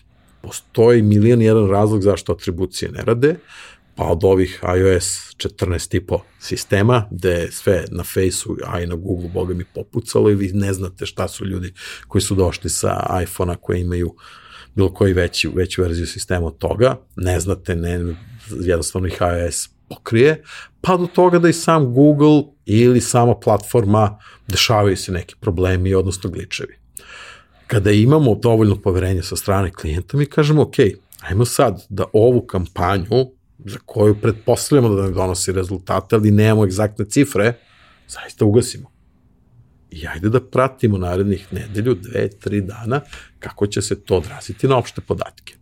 Znači, ideja jeste da ne prodajemo samo kanal po kanal zasebno, nego da uvek gledamo širu sliku, odnosno ako jedan nam koristi samo za dovlačenje ljudi, a drugi za remarketing, pa onda im radimo kroz neke lead generation forme da ih prebacimo na jedan content marketing, odnosno da imamo spremnu sekvencu različitog sadržaja koja im se nudi kako bi prelazili, odnosno peli se kroz funnel. Znači, to jeste ideja. Znači, nismo u fazonu kliktači, jer kliktača ima svuda, ima i u Pakistanu, i u Indiji, jako puno ih je bilo ovaj, za ovaj deo Evrope u Ukrajini, sad su oni se preselili u Poljsku ili kod nas. Znači, to ne bavimo se pukim zanatlijskim poslom, već daista da probamo, što bi ti rekao, pravi inženjeri, da znamo kako sistem funkcioniše, da ga pogledamo sa svih strana, da imamo taj jedan overview i vrlo često se ispostavi da oni kanali komunikacije koji su zanemareni ili nije obraćana pažnja, jednostavno to nismo uključili jer se tako ne radi ili nam je neko rekao da ne treba, onda postanu ono zvezde vodilje, odnosno nešto što donosi najviše para i nešto što generiše neverovatan revenue stream, a košta 100 puta manje od tog cene klika od 5 dinara ili šta već. Postoji taj ceo moment da su realno platforme postale takve da ti bez prethodnog prevelikog znanja, koristeći automatiku i wizard koji imaš, možeš da napraviš sasvim ok kampanje. Da. Razlika između loše kampanje, sasvim ok kampanje, kampanje koja je fantastična, u performansu može da bude ogromna. I to je ono, kad radiš nešto eksperimentalno i imaš beskonačnu maržu i sve, onda ti nije bitno. Ali kad se baviš nečim ozbiljnim, sve je ceđenje suve drenovine jer je konkurencija jeste. ozbiljna i zaista jeste važno i ta 1 i 2 i 5% i ušteda i bolji performans koji minimalno mogu da naprave razliku su veoma važni. I često u celoj toj priči postavljamo stvar tako da, ono, kada preporučujemo ljudima šta da rade sa svojom karijerom, kažemo, specializuj se usko za nešto, gure što dublje možeš u tome, svemu specializuj se i to nije loš put.